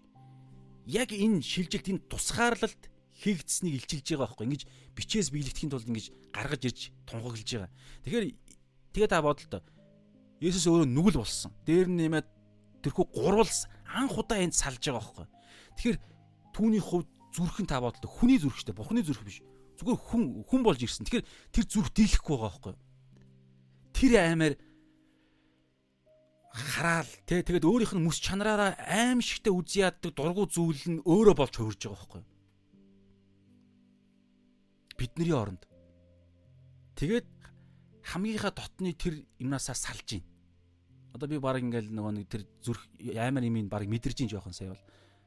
Аимшигтэй байхгүй тэгээд тэр шаналл тэр стресс тэр бүх зүйл зүрхэн дийлэхгүй ингээд хагарал хаграа тэг гадна байгаа тэр устайгаа нийлээд тэгээд жадлах үед бие нь онгоогоод гадагшаа гарч ирж байгаа. Тэгээ ийм юм ярьж байгаа байхгүй юу? Аимшигтэй. За тэгээ цаашаа яваа бүгдээр. Энэ бол хүнд хэсэг байна. За хитэр явж байгаа лээ. 34. Цэргүүдийн нэг нь нэг нь тэд дахиж уншаад яваа. Цэргүүдийн нэг нь түүний хажууг нь жадлахад цус ус ус гоожлоо. Тэгээд энийг хардаа энийг Йохан одоо харсна хараад Йохны хувьд маш одоо тэр нэг амар юм мэдэрж байгаа байхгүй. Тэгээ тэрийг одоо 35 дээр бүр нэг ишлэл зориулж бичиж чинь та даван шүү дээ. Харсан нь тэ жадлахад зүрхнийх нь энэ хажуунаас нь хавирганаас нь жад ус биш цус ус гоожхыг харсан нэг нь одоо хэлж байна. Харсан нь үүнийг гэрчлэв. Түүний гэрчлэл үнэн бөгөөд та нарыг та нарыг ч мөн итгүүлэхийн тулд үнэн ярьдаг гэдгээ тэр мэднэ. Йохан өөрөө хэлж байгаа. Яг энэ үед Йохан Хажууд нь зөвхөн эрэгтэй дагалдагч нараас нь зөвхөн Йохан л байсан. Эмэгтэй дагалдагч нар нь дагалдагч нараас нь дөрвөн эмэгтэй байсан. Бид нар өмнө үтсэн тий. Саломе гэдэг нэг эмэгтэй байгаа юм. Саломе одоо энэ Йохны ээж нь аа баптист биш ээ. Одоо энэ Йохны бичээч Йохны ээж. Тэгээд Есүсийн ээж Мария, Магдалийн Мария. Тэгээ бас нэг эмэгтэй байг мартчихлаа. Тэгээ энэ дөрвөн эмэгтэй байсан. Тэгээ зөвхөн ирчүүдээс зөвхөн Йохан байсан. Тэгээ Йохан энэ үед энэ цус урс гоожийг хараад Есүсийг үхсэн гэдэгт итгэж байгаа нэгдүгээр. Хоёрдугаарт Есүсийн хэлсэн болон үнэн юм байна гэж итгэж байгаа. Тэгээ тийм учраас энэ дээр хардаа гэж байгаа түүний гэрчлэл түүний гэрчлэл өөрийнх нь одоо Йоханы гэрчлэл үнэн бөгөөд та нарыг ч мөн гэж байгаас өөрөө итгэсэн. Бас би ингэж Есүсийн хажуунаас цус урс цус ба ус зэрэг урсыг хараад би итгэсэн шиг та нарыг бас итгүүлэхийн тулд энэ үгийг би бичиж байна гэж. Энэ бол зөвхөн Йохан дээр байгаа юм шиг байгаа. Энэ дээр ингээд бусад синаптик саймуудын дээр энэ тэмдэглэгдээгүй юм шиг энд байна. Би харж амжсангүй. За байж магадгүй. Ямар ч үсэн ингэж байгаа. За тэгээ цаашаа бүгдээр 35 уншаад харин үүнийг харсан нь үүнийг гэрчлэвэ. Түүний гэрчлэл үнэн бөгөө та нарыг ч юм уу итгүүлэхийн тулд тулд үнэн ярьдаг гэдгээ тэр мэднэ. Тэгэхээр Йохан 21-ийн сүүлийн ишлүүдээр ч гэсэн Йохан бас энэ Йохан ном бичсэн зорилго ч гэсэн итгүүлэхийн тулд энэ бүх зүйлийг бичиж байгаа гэдэг санаа байгаа шүү. Тэрнээс биш те ингээд нэг юм хөө ямар сонирхолтой юм бэ? Ямар гоё юм бэ? Өнөөдрийн юу гэдэг те энэ библи судлалын цагтаар бас сонин сонин юм сурлаа шүү. Шин мэдлэг мэдлэг мэдлэг мэдлэг биш шүү байханд үсэ. Энэ маш энд маш чухал нэг юм хандлага биднэрт байх хэрэгтэй мэлээ шүү. Мэдлэг гэдэг бол зүрх рүү оруулаад бид нарыг Йохан 8-ын 30-ны 32 дээр 30-ны 32-ын зорилгын төлөө л биднэрт үнэн илчлэгдэж байгаа. Есүс өөрт нь итгэсэн юдэчүүдэд хэрүү та нар үгэн дотор минь байвал үнэхээр миний дагалдагчд мөн. Шин тэгээд тэгээд та нар үннийг ойлгоно, шин шин үннүүдийг ойлгоно, шин шин мэдлгүүдийг авна.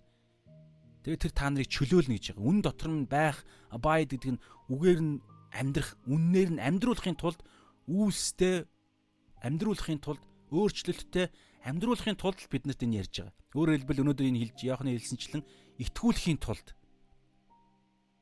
итгүүлэхийн тулд шүү. Мэдлэг зөвхөн өгөхийн тулд биш. Итгэлээр Библийн дагуух итгэл бол зөвхөн итгээд байднаа бодтой баталгаа баримтан дээр авралын итгэл Библийн дагуух еврейчүүдийн итгэл тийм итгэл гэж байгаа байхгүй. Бодтой баталгаатай баримттай зүйл дээр итгээд тэрүүгээрээ үйлдэж амьдрах амьдрч чадж байгаа тэр л итгэлийг жинхэнэ итгэл, жинхэнэ мэдлэг гэж ярьдаг гэж байгаа байхгүй. Тэгэхээр энэ л итгэл бол авралын итгэл гэж ярьдаг шүү. За тэгээ бүгдээр юу орё? Аа 36 бичвэрт тэгээ цааш нь яах үргэлжлүүлж байна. Тэр ус цус гэдэгтэй хамааралтайгаар бичвэрт түүний тэгээд түүний яаж өгч байгааг яахан харсан учраас 36 бичвэрт түүний нэгч яс хугарахгүй гэсэн нь биелэгдэхийн тулд эдгээр нь болжээ. Хөлд нь хуглуулаагүй. Наа хуглахаас нь Ромын цэрэг хуглаад хуглах гэж ийсний наа нь үхсэн. Үхэхдээ ингэж зүрхний зүрхэн задарч үхсэн. Одоо broken heart гэж ярьж байна. Хайр дурлал гологдох үед хаягдах үед нэг юм broken heart гэж ярьдаг штэ ингээл тийм зураг мөрт байдаг штэ зүрхийг ингээ хагалцсан. Тэгэхээр эн чинь хүртэл нэг юм ангаахын өвчин байгаад байгаа байхгүй. Cardiac failure эсвэл heart failure гэдэг бодит яг Есүс энэ өвчнөр өгсөн гэж байгаа байхгүй. Ингээд зүрх нь асар их шаналл сэтгэлийн тэрхүү зовлон шаналл тамлалыг дийлэхгүйгээсээ болоод зүрх нь задарж байгаа. Тэгэхээр ингэж өгсөн үг энийх нь илэрлэн тэр цус урс. Тэгээ энэ бүх зүйл нь юу вэ гэхээр 36 дээр 36 дээр ингэж тийм нэг юм юу вэ? Аа иш үзүүлэлэг. Бүгдээрээ хаана байгаа гэхээр гитлэл 12-ын 46 дээр байгаа байхгүй юу? За бүгдээрээ уншия. Гэтэл 12-ын 46 дээр ингэж байна. Энэ бол хард алгасал баярын алгасал баярын дээгүүр өнгөрөх баярын хургийг нядалж хэвлэхдээ хэрэглэхэд өгсөн заавар байгаа байхгүй юу? 46. Үүнийг нэг дор та энэ гарчиг нартаа алгасал баярын заавар гэж байгаас те Есүс чи алгасал баярын өдөр өгч штэ алгасал баярын хураг болж өгч байгаа. Үхлийн тэнгэрэлч ууган хүүхдүүдийг Египтэд Египтэд ууган хүүхдүүдийг тэр еврейч вэ, Египтч вэ бүх айлын ууган хүүхдүүдийг авахар ирж байгаа байхгүй. Харин еврей гэдэг ялгаа нь Бурхны үгийн дагуу үйлдэж үйлдэж энэ алгасал баярын баяраар хураг нядлаад цус түрхснээрээ тэр цусыг хараад үхлийн тэнгэрэлч оо энэ айлч үхсэн юм байна гэж ойлгоод өнгөрж байгаа бүх хүн шудраг өхөл өөрөө шудраг байхгүй. Тэр утгаараа заавал амь авах хэвээр гимтэй учраас харин оронд нь далдалж байгаа тэр хургийн цус. Тэгээ энэ чинь төгс энэ золиос энэ шилжилт дахил болохоор загалмай дээр хийгдэж байгаа. Тэгээ энэ дээр бас нэг адилхан юм иш үзүүлэг байгаа байхгүй. Гэтэл 12-ын 46 дээр үүнийг нэг дор нэг нэг гэр дотор идэх ёстой. Та нар махнаас нь ямар ч хэсгийг гэрээс гадгаш гаргаж болохгүй ямар ч ясыг нь хуулж болохгүй. Алгасал баярын хураг нядлахтаа ямар ч ясыг нь хуулж болохгүй гэж. За энэ бол зүгээр юу? Энэ бодиттой нөхцөл байдлын иш үзүүлэлт. За одоо яг дуулал дээр яг бодиттой үгэн Есүстэй холбож хэлж байгаа. Дуулал 34-ийн 20 дээр бүх ясыг нь тэрээр хамгаалan Есүсийн гэсэн үг энэ иш үзүүлэлт учраас бүх ясыг нь тэрээр хамгаалan тэднээс нэгэн ч хугарна үгүй. Хугарахгүй гэж хэлж байгаа энэ иш үзүүлгийг тэр цэрэг өөрийн мэдлэгүү биелүүлсэн гэсэн үг. Ингиж бурхан нөхцөл байдлыг ашигладаг. Бурханы иш үзүүлгийг бурхан иш үзүүлгээ ямар ч хүнээр дамжуулж хийдэг. Бурхан өөрийнхөө ажлыг удирдлагаа ямар ч хүнээр итгэж биш хүнээр дамжуулж хийж чаддаг. Израилийн түүх энийг дандаа гэрчилж байгаа. Бурхан өөрөө ард иргэдээ шийдэхийн тулд эсвэл өрөөхийн тулд ямар нэгэн улс үндэстнийг ашигладаг. Тэр нь итгэж биш хүмүүс шүү дээ. Тэгэхээр асар олон бодиттой гэрчлүүд таны миний амьдрал зөндөө байгаа шүү.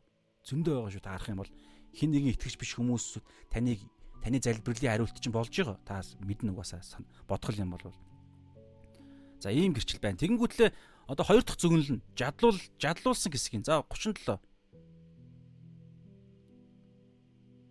37 35 дээр те яс хуурахгүй гэсэн бэлтгэхийн тулд юм а 37 дээр болохоор тэд жадалсан нэгнээ харах болно гэж мөн бичвэрт гардаг. За энэ хаана байгаа гэхээр Захария 12-ын 10 дээр байна.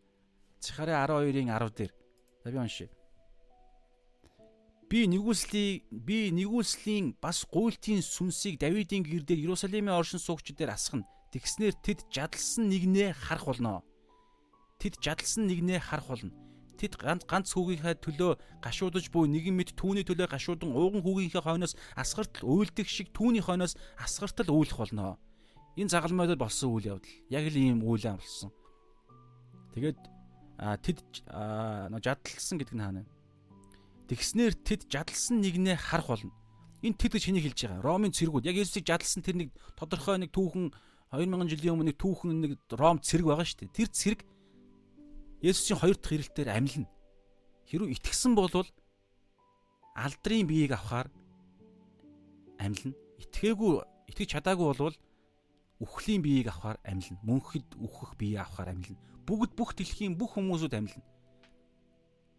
Чингис хаан амьлна, Гитлер амьлна. Тэ Авраам амьлна, Давид амьлна, Юдас амьлна, бүгд амьлна. Тэгэхээр тэрийг э, саяны иш үзүүлэг байна те жадалсан нэг нь хүртэл харна. Тэгэхээр энэ жадална гэдгийг энэ зихараа дээр те зихараачны ойролцоогоор хизээ юм те. Ямар ч хэдэн олон хэдэн зуун жилийн өмнө амьдарч ирсэн. Тэгэхээр асар эртний иш үзүүлэг багхгүй. За тэгээд ерөнхийдөө цаашаа одоо хоёр дахь зэрүүгээ барыг бүгд. За 38-аас бүгдээр харъя. За 38-аас за ингээд Есүс үхэж байгаа. Үхсэн цус ус түүний хажуунаас гойс гойцснороо Есүс үхсэн юм байна гэдгийг нь олж мэдсэн. За тэгэнгүүтлээ үүний дараа Есүсийн цогцсыг авахыг Аримати Йосеф Пилатаас гуйсанд Пилат зөвшөөрч Йосеф юдэчүүдийг юдэчүүдээс имээсэндээ нууцаар Есүсийн шав байсан юм а. Тэгээд тэр очиж Есүсийн цогцсыг авчээ. За хоёрдугаар хоёр дахь нь 39-оос урд нь шөнөөр Есүс дээр ирж байсан Никодем мир 100 настын 100 литр холт завч ирэв. Тэд Есүсийн цогцсыг авч юдэчүүдийн оршуулгын заншил ёсоор анхлын үнэртэнтэй майланган даавуунд оров. За энэ хүртэл мөр явъя. Тэгэхээр Аримати Йосеф гэдэг хүн гарч ирж байгаа. Ер нь анх удаа гарч ирж байгаа гинэ. Бичээс ганцхан тохиолдолд бичигдсэн ерөөс яг энэ Есүсийн загалмай үхлийн дараах энэ булшинд оршуулах энэ үйл явдалтай л гарч ирж байгаа. Тэг гарч ирэхдээ Матай, Марк, Лук бүгд бичсэн байгаа. Аримати Йосефийн талаар. Тэгээ одоо бүгдээр өнөөдөр энэ Йохан дээр бол ингэж штэ. Йосеф энэ Аримат гэдэг газрын энэ юдэ энэ нэг газрын нэр юм шиг байна. Тэгэхээр юдэчүүдийн нэг энэ хот ч юм уу те. Тэгэхээр энэ Аримати Ариматаас гаралтай энэ Йосеф гэдэг энэ хүн болохоор юдэчүүдээс имээгээд имээснээсээ болоод нууцаар Есүсийн шавн болж явж исэн. Тэгэхээр Иохан номдэр байгаа ер нь бол Есүсийг Есүсийн талд орсон Есүсийг месиа гэж хүлээн зөвшөөрсөн. За тэр бүр сүултээ а нөгөө нэг бүр Назар Лазарын өхлөөс амилсныг те фарисеучуудын дагалдагч нар нь очиж хараад баталгаатай гэдгийг нь олж харсны дараагаар нь тэд нар Есүсийг болон Лазарыг гэж Лазарыг хүртэл алхаар бүр албан ёсны шийдвэр гараад тэгээд тухайн үеийнхаа а бүх хүмүүсүүдэд хэр Есүсийг хаана байгааг та нар хэлэх хэрэгтэй. Хэр Есүсийг гэртээ оргнуулсан ч юм уу тийм хүмүүсүүд бас Есүсийг месиа гэж үзсэн, Есүсийн дагалдагч болсон бүх хүмүүсүүдийг синагогоос хөөх шийдвэрийг албан ёсоор гаргасан юу? Тэгэхээр энэ синаг синагогоос хөөгднө гэдэг бол ерөөсөө нийгмээс, амьдралаас, найз нөхдөөсөө эдийн засгийн хувьд, бүх харилцааны хувьд, бүх зүйлээс тусгаарлагддаг тийм аимшигтай цөл одоо юу гэдгийг шийтгэл байсан байгаа байхгүй. Синагогт хэрвээ хамрагддаггүй юдэ хүн болвол нийгэмдэр ажиллаж олж чадахгүй, найз нөхдөж байдаггүй.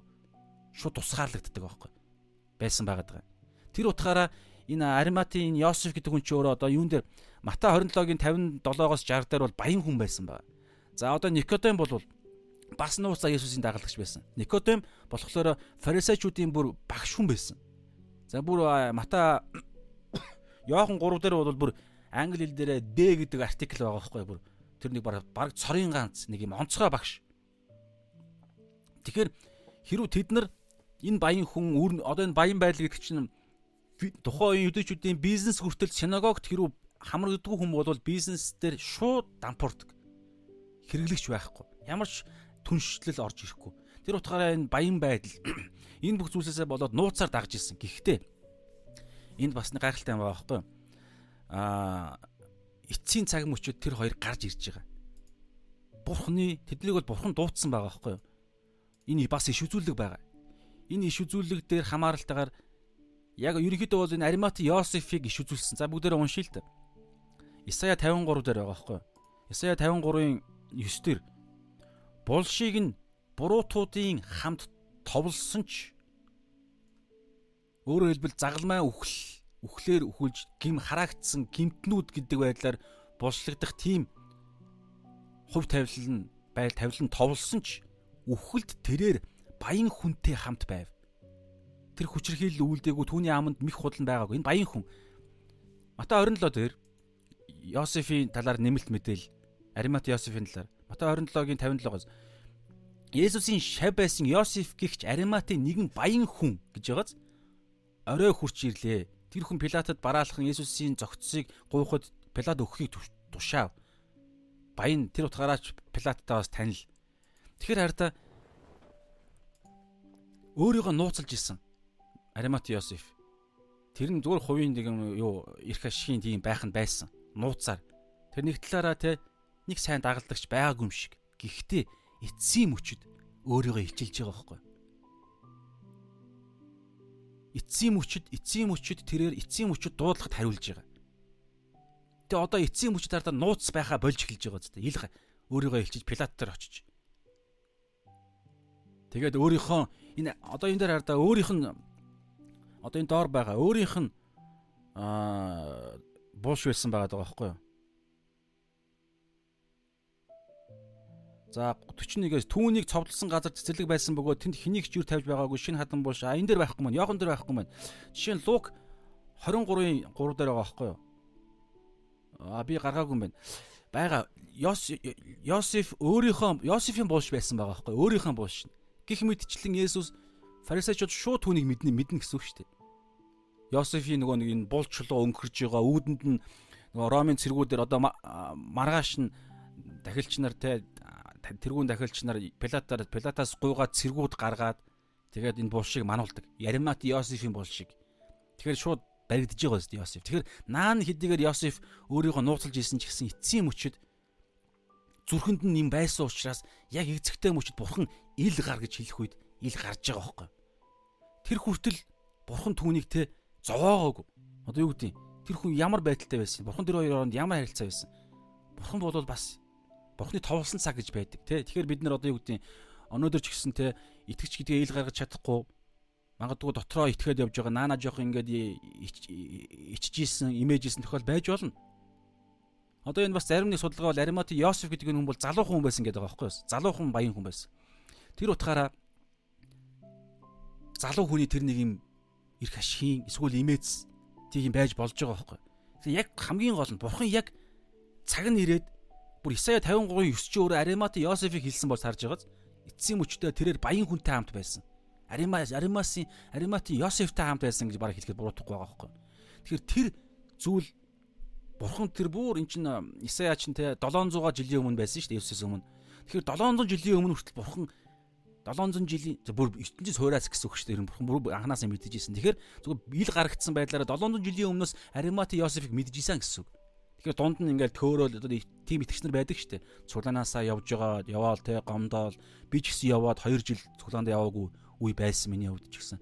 Тэр хугацаанд бүгдийг мэдчихсэн гэсэн үг бурхан. Цаг нь болохоор над дээр ирнэ. Цаг нь болохоор Есүс тийм үйлчилж байгаа зү. Одоо бүгдээр ямар байдлаар үйлчлэснийг харъя. Тэгээд Луг 23-ын 50-аас 53 дээр Аримат Йосефийг дэгж байгаа. Сайн хүн байсан, зөвхт хүн байсан. Тэгээд Бурхны хаанчлалыг хүлээдэг нэгэн байлаа. Хүлээж байсан гэж байгаа бүр. Тэгээд баян хүн байсан. Энэ иш үзүүлгийн хүн байсан, тэ? Хэдийгээр наана нуугдсан, тэ хүмүүс хальт харах юм бол бид нэг шүү штэ бүр юун дээр ч гэсэн Есүс өөрөө хэлсэн шүү дээ. Хэрвээ та нар надаас ичвэл шүүлтийн өдөр би та нараас ичнэ гэж байгаа. Энэ баг ичж байгаа зү. Тухайн үед иччихсэн, айж исэн. Тэгвэл тэнд нэг бурхан тэнд нэгүүлсэл байгаа байхгүй. Яг хэдийгээр тухайн үедээ ямар нэгэн байдлаасаа болоод ичж байгаа юм шиг боловч цаг нь ирэхээр бурхны дуудлагад хариулна гэдгийг мэдж байгаа. Бурхан л мэдж байгаа. Бид мэдэхгүй. Тэр утгаараа юу хэлэх гээд байгаа гэхээр бид нар хин нэгний гадаад байдлаар нь алдсан алдаагаар нь цуглаанаас явсан байдлаар нь шүүж болохгүй байна гэдгийг би бас эндээс сурсан. Тэгэхээр та бас энийг бодно үст те. За одоо Никодимыг яриад тэгээ энэ хоёрын хийснийг үйлдэл яриад цаашаа баг ер нь өндөрлөлт өгч байгаа. За Никодим бол мэдээж тодорхой. Йохан 3 дээр нөгөө их Йохан 3:16 Тэ тэгээд Йохан 3-ын 3 5 гэ ишлүүд дээр те дээрээс ус ба сүнсээр дээрээс төрөхгүй бол хинч тэнгэрийн хаанчд орохгүй. Тэгэл Йохан 3-ын 18-аас 20 дээр гайхалтай те нөгөө нэг э, энэ ертөнцид ирж байгаа зүйлийн үр дагавар гарч ирж байгаа. Тэгээд ер нь Йохан 3 дугаар бүлэг 3 дугаар бүлэг бол маш чухал бүлэг байхгүй. Тэгээ энэ маш чухал чухал Тэнгэрийн хаанчлал та Есүсийн энэ дэлхий дээр ихний ирэлтийн талаарх маш чухал чухал мэдээллүүдийг илчилсэн бүлэг байхгүй. Тэгэхээр энэ бүлгийг илчлэхэд хүргэсэн хүн нь Никодем байгаад байгаа байхгүй. Шөнөөр нууцаар гэд бид нар заримдаа тайлбарладаг те. Тийм байж болно. Бас тийм биш биш байж болно шүү дээ завгүй хүн байсан байж болно. Тэ. Тэгвэл ерөнхийдөө бол тэнд нэг гарч ирж байгаа, энэ төгсгөлд нэг гарч ирж байгаа. Тэгэхээр дунд нь бол өөрийгөө нууцлж исэн байж магадгүй. Тэгвэл яг юуных нь үеэр аа тэ одоо энэ загалмай цавлагдахаас нь тэ хэдэн цагийн өмнө буюу энэ шүн дунд болж байгаа энэ юдэжүүдийн шашны 3 а шүүлт шүүх шүүх хурал болсны сүүлийн шүүх хурал дээр санхедрийнх дээр нөлөө те хоёр дахь дээр нь ч байна уу нэг зарим нэг фарисеучуд хэлдэг штэ бидний хуульд ингэдэг үлээ бид шөнөөр те бид ингэж ийм байдлаар ийм шудраг бос хууль шүүх шүүх хурал зохиодог өлөө гэдэг байдлаар бас гаргаж ирж байгаа. Нэг хүн бас байгаа. Тэгэхээр тэр нь Никодем байсан байх ч магадaltaй. Нэр нь дурдаагүй байдаг санагдаж байна. За ямар ч байсан гэсэн Никодем гарч ирж байгаа. Тэгээд Никодем бол юдэн багш хүн байсан. Фарисей хүн байсан. Та санаж байгаа, мэдж байгаа. Хамгийн алдартай фарисей хүн бол бид нар мэднэ. Саул байсан. Паул болж нэрээ өөрчилсөн. Шинэ гэрээний 13 номыг 27-гийн 13-ыг нь бичсэн. 13 баха. Заримдаа еврей номыг бас оруулдаг, зарим хүмүүс оруулдаг еврей номыг бичсэн байх магадaltaй гэж. Тэгэхээр энэ бүх зүйлсүүд агалдартай Ром ном те. Тэгэхээр энэ хим фарисей хүн байсан те. Никодем, Паулос фарисей хүн байсан. За тэгээд тэд яасан бэ? Бүгдээ цаашаа үзье. За Тэгээд тэд нар очиж Есүсийн цогцсыг нь авсан. За ингээд энэ дээр бас нэг юм барим судалгаа байгаа байхгүй. Тэд энэ баян Аримати Ариматын Йосеф. За тэгээд фарисеучуудын тэ хуулийн багш хүн. За бүр багш нарын багш нь ахлагчд байсан байж магадгүй. Англид тэр нэгэн багш гэдэг Д гэдэг артикл бас байдаг. Анги эхлэл дээрээ энэ утга илэрхийлдэг юм уу юм мэдэхгүй. Тэгэхээр энэ баян энэ нөлөөтэй эрх мэдэлтэй энэ хоёр хүн очоод өөрсдөө хуйлахнаа Есүсийг өөрсдөө загалмаанаас буулгасан гэж зарим судалгаа хүмүүс ярьж байгаа байхгүй юу. Лавл миний хоёр хүн дээр давхцаж бас иймэрхүү тайл хийгээд байгаа юу. Тэгээд тэд нэр өөрсдөө шат бариад өөрсдөө тэрхүү хадаасыг нь ингэж те багаж барьж очиод хадаасыг нь ингэж тэнээлгээ те тэгээд өөрсдөө буулгаж байгаа тэр хүнийг доор буулгаж байгаа.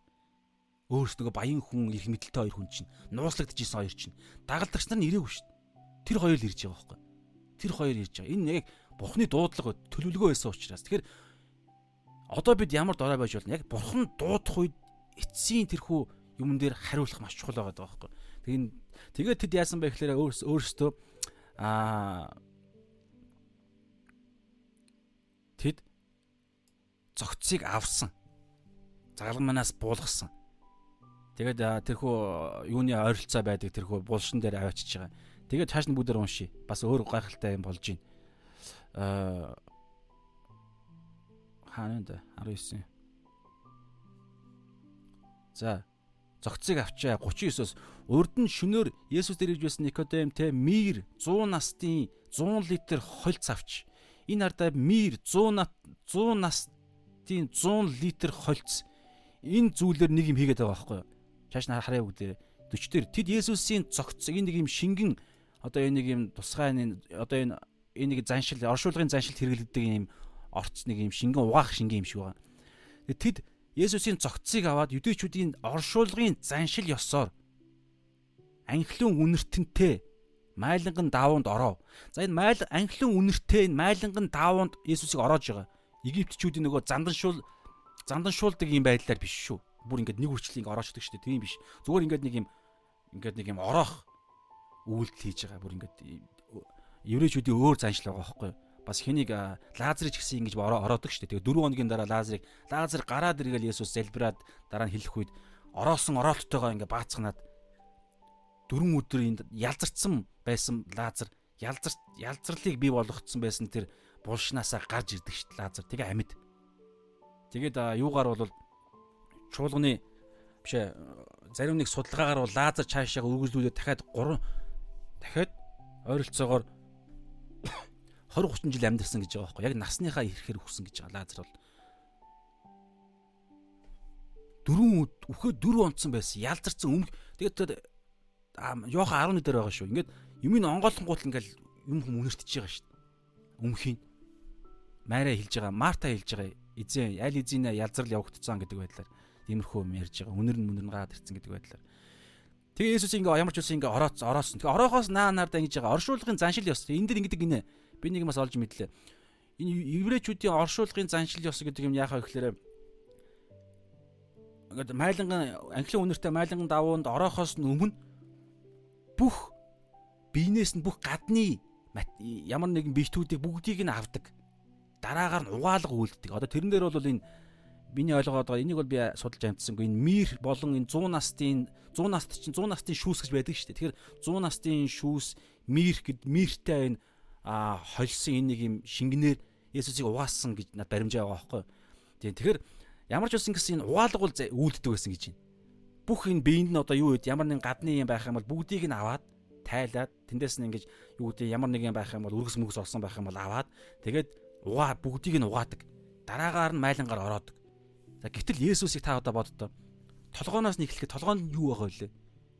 Өргөст бут байгаа шүү дээ тэр үргэст бид нар өмнө үтсэн те үргэст бот бол хараалын илэрхийл байдаг. Эхлэл 3 дээр байдаг те. Чамаас болж газар хараагдсан. Тэгээд өргөс ургана гэж байгаа. Тэр хараалын илэрхийл болгож хараагдсан хаан болж бидний хараалыг толгоон дээр авч яасан. Тэгэхэд толгоонд нь ингээд өргөс өргөс шигдсэн байгаа. Тэрийг нь Аримати Йосеф Никодем хоёр одоо тавьдсан дээрээс нь ингээд авч эхэлж байна. Таад ингээд төсөөлөлдөө те авж гин. Тэгээд энэ тэнд ямар нэгэн те үргэс мөргөс юу вэ? Тэр бүгдийг ингээд шалгаад бүгдийг нь авч гин. Тэгээ доош яв. Энэ гадна талд нь ингээд арт талд нь ингээд дашуурны мөр байгаа. тэр дашууны мөрөнд магадгүй энэ тэр нөгөө нэг өргөстэй яс мас ясан булдруутай дашуур штэ. Яс мас нь орт үлдсэн байж магадгүй байхгүй. Тэгээ та бодлоо дашуурдж байгаа ангааж байгаа судсан ангаадаг те дотор нь заримдаа эргэтэн гарч идэг. Тэгээ дээр нь нөгөө цэргүүт чинь дээр нь юугаа өөрсдийнхөө нүмергөө тавьчихсан шүү дээ. Тэгээ хатсан, хөлдсөн, хатсан наранд. Тэгээ дараагаар нүмергийг авсан, тэгээ цовдлсон. Тэгэхэд нүмергний орцморт үлдчихэж байгаа. Тэр болгоныг ингэж түүн. Тэгээд ингээд хажууд энэ хадааснийхад хадаасыг нь суулсан. Дараа нь угаах гэж дээ. Тэгээд эхэлж эхнийх нь шатна. Тэгээд ингээд хажууд ингээд жад мад нь зооцсон. Цус мус нь ингээд гоожж байгаа. Жадны орон мороос нь цус мус нь гоожж байгаа. Тэр болгоно энэ хоёр чинь дагалдагч нь шүү дээ. Нууцаар дотроо ингээд дотроо шаналж исэн хүмүүс аахгүй. Наана ил гаргаж чадахгүй. Өөрсдийгөө эрх ашгаа бодоод, эзнийгээ бодоод ингээд бөөн сэтгэлийн энэ хуваагдал тунд байсан. Тэгээ эцсийн мөчөд гарч ирээд энэ цэвэрлэгээнийхээ үед үед бол тэд нар бол ерөөсөө бол байнга л уйлах, залбирах хоёр хамтдаа хийгдэж байгаа байхгүй. Тэгээ тэнд бол те Есүсийг гарцаагүй өгсөн гэдгийг бол тэр хоёр бол гарцаагүй батлна угаасаа. Гэхдээ тэр бүх юмыг ингээд угаагаа тэгээд ингээд хамаг юм цусыг нь угааж гин. Тэгээд ингээд хэр мэрийг угааж гин. Тэгээд тэр хамаг юм ингээд тэгээд дараагаа майлангийн юмд ороож гин.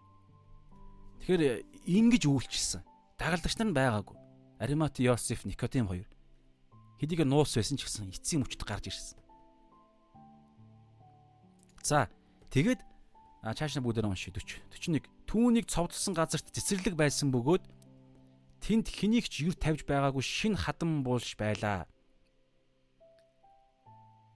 Тэгээд юдэчүүдийн бэлтгэлийн тэгэхэд юдэчүүдийн бэлтгэлийн өдөр байсан бөгөөд тэр хатан булш ойрхон байсан тул Есүсийг тэнд тавьжээ. За би нэг зураг харуулъя л да. Энэ нөгөө нэг зураг чинь. Skal англиар бол place of skull те а еврейгээр бол Голгота гэж байгаа те латинаар бол Calvary гэдэг байгаа байхгүй. Монголоор бол те гавлын газар. Гавлын газар гэдэг нэртэй. Тэгээ энийг байж те а Гордны нэг цэцэрлэгч үлээнэ тэгдэм байна л да. Тэгээд 1890 онд гिचүүдээ нэг нэг цэргийн жанжин хүн чиглөө энд явж байгаад энэ газрыг энэ гавлын энэ одоо энэ чинь яг бодиттой зураг шүү. Яг энэ цовлогдсон гэж үзэж байгаа. Хэрвээ Израиль очсон хүмүүс бол та очих юм бол үзэж болно. Очсон хүмүүс энийг бол мэдсэн бол үзсэн байх хэвээр. Тэгээ энэ яг энэ бодиттой зураг. Тэгэхээр энэ зураг яг энэ гавлыг гавлын энэ нэг энэ нүд байна те энэ ам хамар гэдэг энийг тэр Горд 1800 оны үед тэр нэг хүн цэргийн жанжин хүн энийг олж харсан юм байна л да. Тэгээд еврейдэр Библиэлд байгаа тэр хүү гавлын газар Голгота гэдэг байгаа тэр газар бол яг энэ олж таарлаа гэдэг. Хажуугын талд нь Иерусалимийн хашаа байгаа шүү дээ, тэ. Тэгээд одоо энэ саяны Библиэлд те энэ дээр тэгж штэ. Тэгэхэд юдэчүүдийн бэлтгэлийн өдөр байсан бөгөөд тэр хатан булш нь булш ойрхон байсан тул Загалмаа энэ Голгота энэ гавлын газраас ойрхон байсан тул Есүсийг танд тавьжээ. Наримат Йосефийн энэ булш нь ойрхон байсан байгаа даа байхгүй. Тэгэхээр яг арайч энэ биш байх гэж би бодож байна.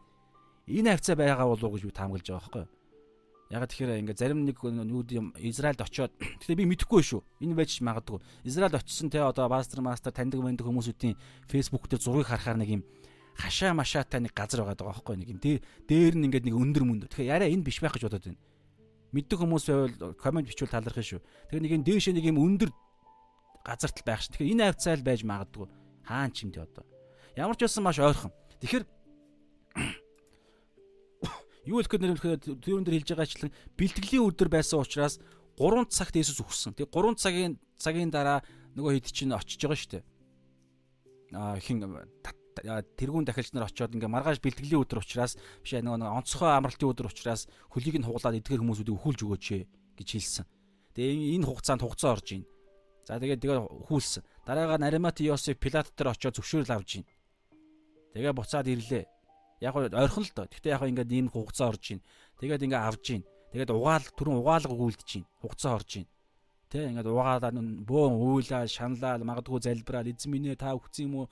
Босоочтой, мосоочтой гэж бөө юм болж байгаа. Тэгээд угааж юм. Тэгээд тэ тэгээд одоо яа дий нөгөө нэг ороож мороож. Тэг чинь хугацаа орж байгаа. Энэ хугацааг нэг 3 цагийн дотор багтаах хэрэгтэй байхгүй юу?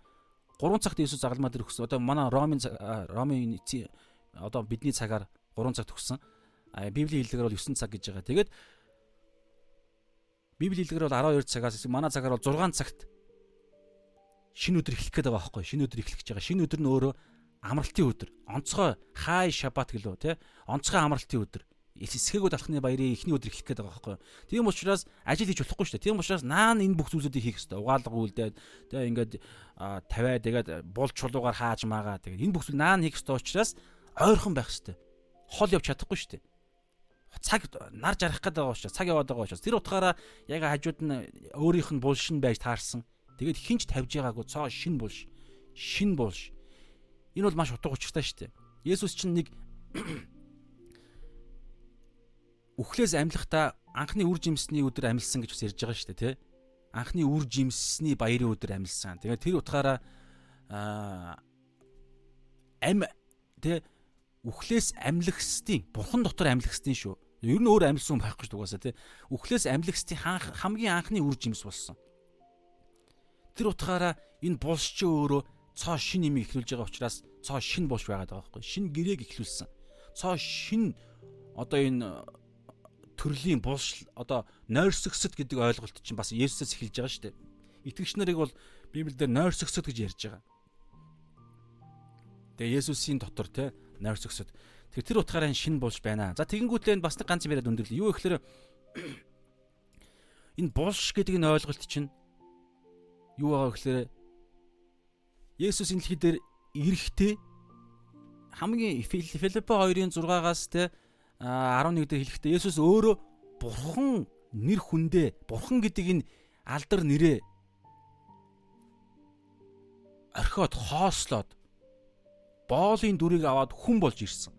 Тэгээ Есүсийг ирэхэд төрөхөд тэр утгаа үйлчлэл нь эхлэхэд хүртэл одоо саяхны хүртэл тэр утгаа бүр одоо ч гэсэн үхлээс амьлах үед л энэ өөр болдог. Есүсийг бурхан гэж дагалдагч нар нь хүртэл хэл хэлсэн удаа байгаа. Гэхдээ итгэхгүй байгаад байгаа шүү дээ. Эргэлзэжсэн шүү дээ. Үхлээс амилсны дараа нь л Есүс амилсан биеэрээ тэрхүү одоо хаалттай байгаа өрөөнд шууд нэвтэрч орох үедээ л тэд нар бурхан минь гэж итгэж байгаа. Юу хэлэх гээд нөхөр тэрнээс наан бол 33 жилийн тэр наан бол Есүсийг эргэлзэж байгаа шүү дээ. Хүн юм шиг. Юу юу вэ гэхээр бурхан гэдэг нэр алдраа орхицсон бохоггүй Есүс. Хүн болсон зүгээр. Дагалдагч нар нүртэл эцсийн мөч хүртэл итгэхгүй байгаа. Тэгээ бүр таарал да дүүнэр нь хүртэл яаж байгаа гэхээр Есүсийг амьсны дараа л итгэдэг. Шинэ гэрээний хоёр номыг бичсэн шүү дээ. Яаков, Юда хоёр номыг бичсэн хоёр дүүн бүх дүүндэр итгэж байгаа л да. Гэхдээ үхлээс амьсны дараа л итгэж байгаа. Тэрнээс наан бурхан гэдэг алдар алдар суугаар нь юу итгэхгүй байгаа гэсэн. Тэр утгаараа эхнийх нь доошоо буулт нь юу гэхээр бурхан байр сууриа хоослоод боолын дүр хүн болсон. Дараагаар нь хүн хүндээ зүгээр нэг хүмүүс бай. Одоо би доошоо буухын уналтыг нь яриад байгаа байхгүй. Тэг хүн байсан. Тэг хүн одоо бүр төрөхтөө яасан бэ гэхээр зүгээр малын төвшин төрсөн шүү дээ.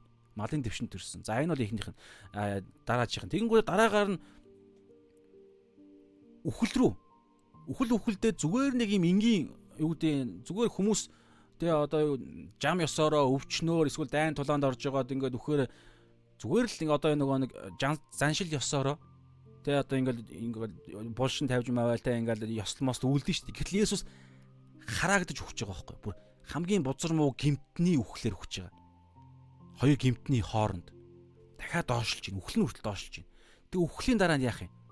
Газар Йона газрын Йона газрын зүрхэнд 3 өдөр 3 шөнө байсан шиг хүний хүүч гисэн тэ А Йона загсны гидсэн 3 өдөр 3 шөнө байсан ч байсан шиг хүний хүү газрын зүрхэнд 3 өдөр 3 шөнө байна. Булш руу орж доошлж байгаа байхгүй. Тэгэд Петр дээр ч гэсэн байгаа үхсдийн орн руу хүртэл яаж очиж байгаа. Угаасаа өгсөн хүн бүгд өөхсдийн орн очиж штэ. Гэтэ гал нь яг түүний би энэ дэлхий дээр байгаа тэрхүү доошо буулт нь булш руу хүртэл орж байгаа. Тэгэхээр Есүсийн доошо очиж болох хамгийн доод цэг нь гэж байгаа байхгүй. Хамгийн доод хязгаар нь. Инээс дахиж доошлохгүй. Доошлоо.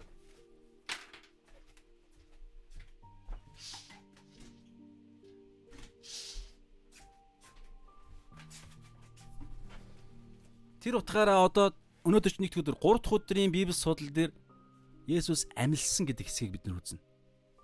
Доошо буугаад буугаад хамгийн доод цэг нь энэ. Тэгээ одоо эндээс эндээс цаашаага дандаа дээшлэн өгсөн. Хамгийн доод цэг нь. Энийг өөр бас цаана юу илэрхийлж болж байгаа гэхээр Есүс хамгийн доод хязгаар нь газарт булшлагдж байгаа. Мэдээж булшлагдсан хүн болгон өөхсдийн оронд очиж штэ. Хүн болгон шүү. Хүн төрөөл хүн үхэл ингээд унтаа Есүсийн хоёр дахь ирэлт хүртэл ингээд унтаад байхгүй. Библийн ойлголт бол тийм ярьдаггүй. би урд нь тэгж боддог байсан. Нойрсос гэдэг үг мөгийг бодоод ингээд унтчих юм байх. Ингээл хүн өглөө итгэжтийн хувьд яаж байгаа шүү дээ. Өхөөл нүдээ а библийн сургууль мургуул ингээл нөгөө нэг мэтгэлцээ тэтгэлцээ багш нартайгаа асуулт асуулах хариулгын юм дунд ингээл судалсан дараагаар нь өөрөө судалсан ерөөдөө тэгж байгаа байхгүй хүн үхээд шууд нүдэнэ тэгэхэд хоёр газрын айл нэг газарт л байна луг 16 дээр байгаа баян хүн лазарын түүх дээр нэг нь шууд үхэл нүдээ нээхэд л шууд бие чинь шатж байгааг та мэдэрнэ. Тааг нь уучлаарай. Хин нэгэн хүн мэдэрнэ үл үл итгэгч хүн. Аа итгэгч хүмүүс бол үхээд нүдэ нээхэд л шууд тэнгэр элчийн гар дээр ч юм уу те мөнхөн улсад тэнгэрийн улс руу очсон байгаа ч юм очиж байгаагаа мэдэрнэ. Үхээд нүдэ нэ Тэр утгаараа өнөөдөр чи надтай хамт деважинд байх болно гэж Есүс хэлсэн байхгүй. Энд дээр энэ хэсгийг бас энд оруулдаг. Өнөөдөр тэрнээс биш чи миний хоёр дахь хэрэлтээр мэрэлтээр те хизээ нэгэн цагт гэж яриаг. Өнөөдөр яг тодорхой цаг хэлж байгаа. Тэр утгаараа энэ аврагдсан энэ хажууд байгаа гимт хэрэгтэн бол яг тэр өдөртөө багтаж өгсөн. Нөгөө үндсэн нөгөө нэг стандартаараа 2-оос 3 өдөр загалмай дээр байдаг гэдэг байгаа шүү дээ. Гэтэл Есүс чинь хэдхэн цагийн дараа тэгээ дагал тэрүүн дахиж нар те одоо аалмал гэдэг хүсэл 50 мавнуудыг уг нь хүн байсан бол мэдэхгүй шүү. Гэхдээ бурхан байсан мэдж байгаа. Тэр утгаараа бурхан байсан учраас мэдж байгаа учраас өнөөдөр гэж хэлж байгаа байхгүй. Хэрвээ тийм болоогүй маргааш нь тийм байгааг байсан бол магадгүй 4 өдрийн дараа гэж хэлэхэр байсан. 2 2 өдрийн дараа яг тэр хүн загалмай дээрээс хизээ өгөхийг нь хэлээл 2 өдрийн дараа загалмай дээр ингээ 2 өдөр тамлагдж байгаа л өхөөсөн бол 2 өдрийн дараа жинаттай хамт Таваажинд байх болно. гэдэг юм уу те. Гэтэл гуруула тэр өдөртөө багтааж өгсөн байхгүй. Есүс хамгийн эхлээд 6 цагийн дараа нөгөө хоёр нь бол те дараа нь хідэн хідэн хугацаа өнгөрсөн юм байгаа. Тэгэхээр тэгсэн. Тэгээд энд ингэж байгаа бүх хүн төрлөختөн төрсөн үхтэхэд булшлагддаг. Есүс өөрөө төрсөн үхээд булшлагдж байгаа. Гэхдээ ингэ ёсгүй байсан. Есүс өөрөө төрсөн нэг ч гим нүгэл үлдээгүй. Есүс мөнх амьдрах боломжтой байсан. Гэхдээ угаасаа ирсэн зорилго нь үхэх зорилготой.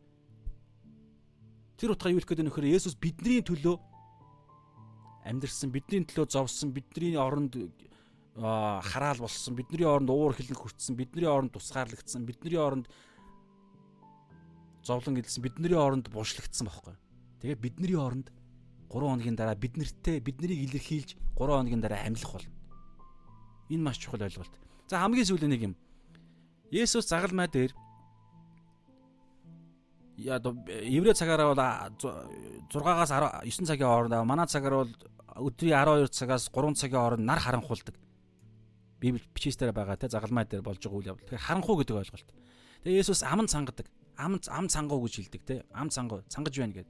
Тэр үед уга цуум уу хийж өгж байгаа. Тэгэхээр ам цангалт. Энэ ам цангах гэдэг ойлголт чинь асар их халуун халууныг мэдрэх үед хүн бие хөрөхийн тулд ус хүсдэг шүү дээ. Луг 19 16 дээр чинь нөгөө нэг баян хүн Лазарын юм дээр баян хүн тамж шатчих та дунд нь ангал байгаа. Тэгээд энэ бол яг за тэнгүүтлээ Авраамаас гуйдаг штэ. Та Лазарыг явуулаад ингээ хуруундаа хурууга усан дүрээд миний хилэн дээр нэг ганцхан тусал усыг ч гэсэн надад өгөөч гэж та нааш нь явуулаач гэд. Асар их бие нь гал гал нь чадж байгаа учраас аман цангаж байгаа. Тэгэхээр энэ цангалт гэдэг ойлголт харанхуй, цангалт. Тэгээ элээ элээ лама сабахтааны. Бурхан минь бурхан минь юун та намайг орхив? Бурханаас тусгаар байдал. Эдгээр ойлголтууд тамыг илэрхийлдэг. Харанхуй. Харанхуй буюу гим нүгэл бурхангүй байдал. Үнэнгүй байдал, хул хурамгийн ноёрхил, сатааны чөтгөрийн тэрхүү бузар муугийн үр дагавар. Харанхуй. Бурхангүй зүйлийг бузар муу гэж байгаа гэрэл байхгүй зүйлийг харанхуу гэж ярьдаг гэж Эйнштейний бас хэлжсэн үг байдаг шүү дээ, тэ. Тэгэхээр энэ бузар муугийн ойлголт. Харанхуй. Бузар муугийн одоо юу гэдэг оршихуй гэдэг юм уу, тэ. Ноёрхдаг оршихуй. Энэ ам цангалт гэдэг бол асар их шатах, шатам халуун галыг ярьж байгаа. Илэрхийлж байгаа. Тэр үед ам цангадаг. Тэгэхээр бузар муу галтай бурхан байдаг. Бурханы тэрхүү ивэл өрөөл хайр өршөөл байдаггүй газар. Зөвхөн Бурхны уур хилэн байдаг газар. Бурхнаас Бурхны тэрхүү сайн сайхнаас тусгаарлагдсан газар. Энэ бол там байгаад байгаа байхгүй.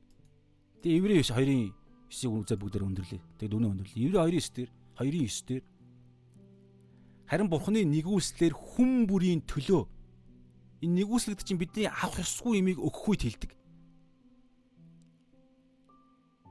Авах ёсгүй имийг тэр нь аврал зөвтгөл, хайр, үрчлэл, ариусгал гэдэг. Тэгээ авах зохистой имийг нь өгөхгүй байх. Тэр бол өршөөл гэж ярьж байгаа. Бас нэгүслэлтэй адилхан. Тэр нь бол ял шитгэлийг. Тэгээд бидний оронд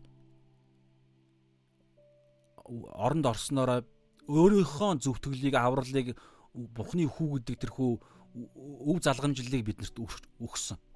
Тэгэхээр Бухны нэгүслээ энэ нэгүслийн цаана тийм маш чухал юм яригдчихэж байгаа. Тэгэхээр Бухны нэгүслэр хүн бүрийн төлөө бүх энэ дэлхий дээр байгаа бүх хүний төлөө угна. Гэхдээ тухайн хүн бүр өөртөө Бурхныг дуудах үед тэд өөртөө сонголтоороо Бурхныг сонгох хэрэгтэй. Бурхныг сонгоогүй хүмүүс нь сонгогддоггүй. Харин бүх хүнийг дууддаг буюу бид нар бүх хүнд сайн мэдээ тарах дуудлагатай бүх хүнд ингэж бурхан хоёр дахь ирэлтээр шүүлтийн өдөр өөрийнхөө шударгаа батлах байхгүй. Хинч очоод юу вэ ийм гоё аврал ирсэн юм уу? Яагаад тэгвэл манай хажуутлын айлын манай ангийн манай ажлын газрын тэр бата би жоохон хөндрүүлж ярьлаа. Гэтэ ямар ч байсан яагаад та хин нэгнээ дамжиж надад энэ гоё авралыг нэгүсийг хэлээгүй юм бэ? Та ямар муухай юм бэ?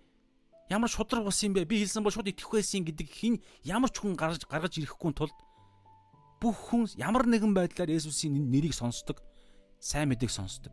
Ямар нэгэн байдлаар. Тэрний хамгийн тодорхой юм нь уг нь мэс чанарт нь нэг мэс чанарын хууль гэж байдаг. Ямар ч хүний хүний дотор муу юм хийхээрээ хүн өөрийгөө зэмлдэг. Ямар ямар нэгэн хэцүү үед ямар нэгэн хүчнээс тусламж гуйдаг. Өөр юм мэдлгүй нэг өө бурхан минь ингээл хэлдэг. Өөр юм мэдлгүйтэй ингээл зовлон аимшигтэй аа өөрийн хүчээр хийж чадахгүй зүйл гарч ирэх үед ямар нэгэн бурхан байгаа бол гэд хин нэгэн хайдаг ямар ч хүн. Тэгэхээр тэр хайлтанд нэг хариулт дандаа байж идэг үг. Тэгээ байгаль орчин бүх зүйл ингэж Ром 1 дээр бол байгаа шүү дээ. Бүх зүйл бурханы үл үл үл үзэгдэхтэй хэмжээшгүй агуу чанар нь үл үзэгдэх чанар нь бүх бүтээлээр нь илэрхий харагдаж идэг. Бурхан өөрийгөө илчилсэн байдаг. Тэгээ хүн бүрийн дотор харин тэд нар тэгээ яг сонголт өөрийгөө бурхан Ром 8:29-оос 30 дээр байгаа дуутахад сонголтоороо хариулахгүй бол зөвтгөл яригдахгүй. Харин хариулсан хүмүүсүүд нь дуудсныгаа зөвтгөдөг гэж ярьж байгаа. Зөвтгснүүдийг алдаршуулдаг гэж Ром 8:29-оос 30 дээр байгаа. Харин тэрэн дээр нь дуудлагад нь сонголтоороо итгэхгүй эзнээ болохгүй бол зөвтгөл яригдахгүй. Харин итгэсэн хүмүүсүүдийн тийм дистар яригдаж байгаа. Тэгэхээр хараа харин бурхны нэгүслэр хүн бүрийн төлөө үхлийг амсахын тулд Тэнгэрлэгч нараас арай дорд болгогдсон бөгөөд үхлийн зовлонгийн учир цог жавхлан хийгээд хүндэтгэлийн титэм өмссөн Есүсийг бид хардаа гэж байгаа. Энд дээр хараа а энд гол үг энэ хараа харин Бурхны нэгүслийн нэгүслэр хүн бүрийн төлөө үхлийг амсах гэдэг ойлголт. Үхлийг амсахын тулд гэж байгаа. Есүс үхлийг амссан. Таарал та харанхуйг мэдэрсэн. Харанхуй орчинд байсан. Аман цангасан маш их тэр сүнс сэтгэл бие бүх юмараа асар их тэрхүү тамийн галыг мэдрэх хэмжээний зовлон мэдэрсэн байхгүй. Тэгээд тусгаарлалт бурхан аав нь түүнийг орхисон. Орхисон гэдэг нь түүний өршөөл хайр нөгөө хоёр удаа бичээсээр бол хоёр удаа байгаа байхгүй. Нэг нь Матай 3 дээр нэг нь Матай за хэд дээр байна да 17 дээр байна уу хэд дээр байна нөгөө нэг сүр жавхлантайгаар Яаков, Петр, Яаков, Йоханд нөгөө нэг табар уулан дээр табар биш нэг уулан дээр харагддаг. Хоёр дахь ирэлтийн сүр жавхлангаа хилчилдэг.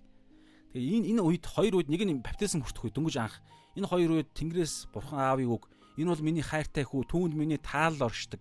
Таалдаараа үргэлж хамт явж исэн. Харин түрүүн 2 дугаар Коринт 5-ын 21-ийн дагуу Есүсийг гим нүгэл болгох үед бурханы хайр нь таал нь түүнээс авагдаад оронд нь уур хилэн бурхан аавынх нь уур хилэн түүн дээр бууж ирж байгаа. Тэр утгаараа илээ илээ ламас сабахтаны бурхан минь бурхан минь бурханы таалал бурханы ер нь бурхан хин нэгнийг таалахгүй бол бурхан хин нэгнийг хайрлаж амьд ам өгч оршин тогтнуулахгүй авах юм бол хүн болгон шууд өөх байхгүй.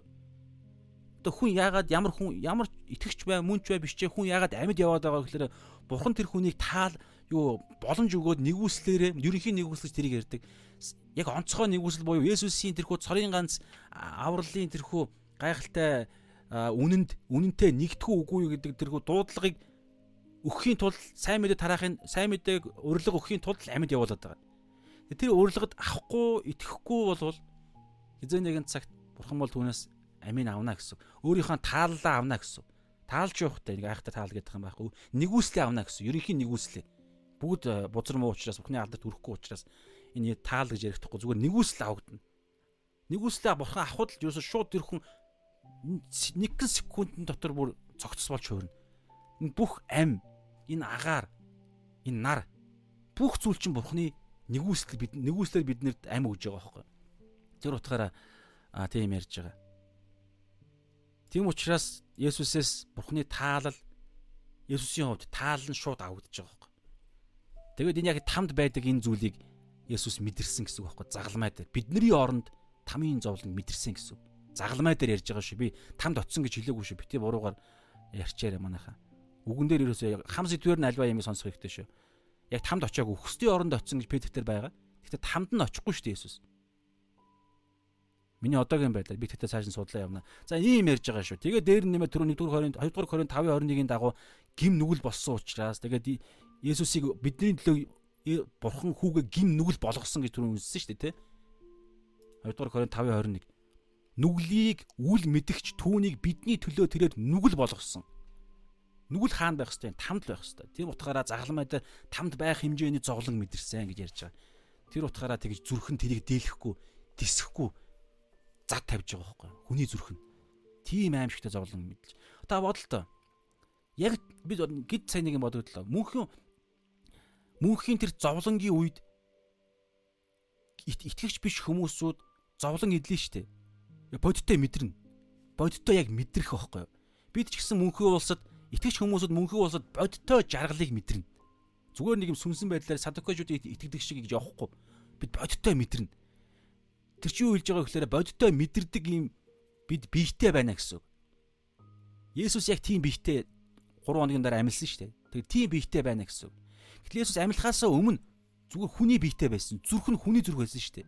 Тэгээ хүний зүрх одоо одоо хараа хүний мах бод чинь өвчин даах нэг хязгаар гэж байдаг шүү дээ. Ямар ч хүн ямар ч аимшигтай тамлал эдэлсэн ч гэсэн тэр нэг тодорхой хэмжээнд хүрээл хүн үхдэг. Ухаан алдаад зүрхэн зогсдог.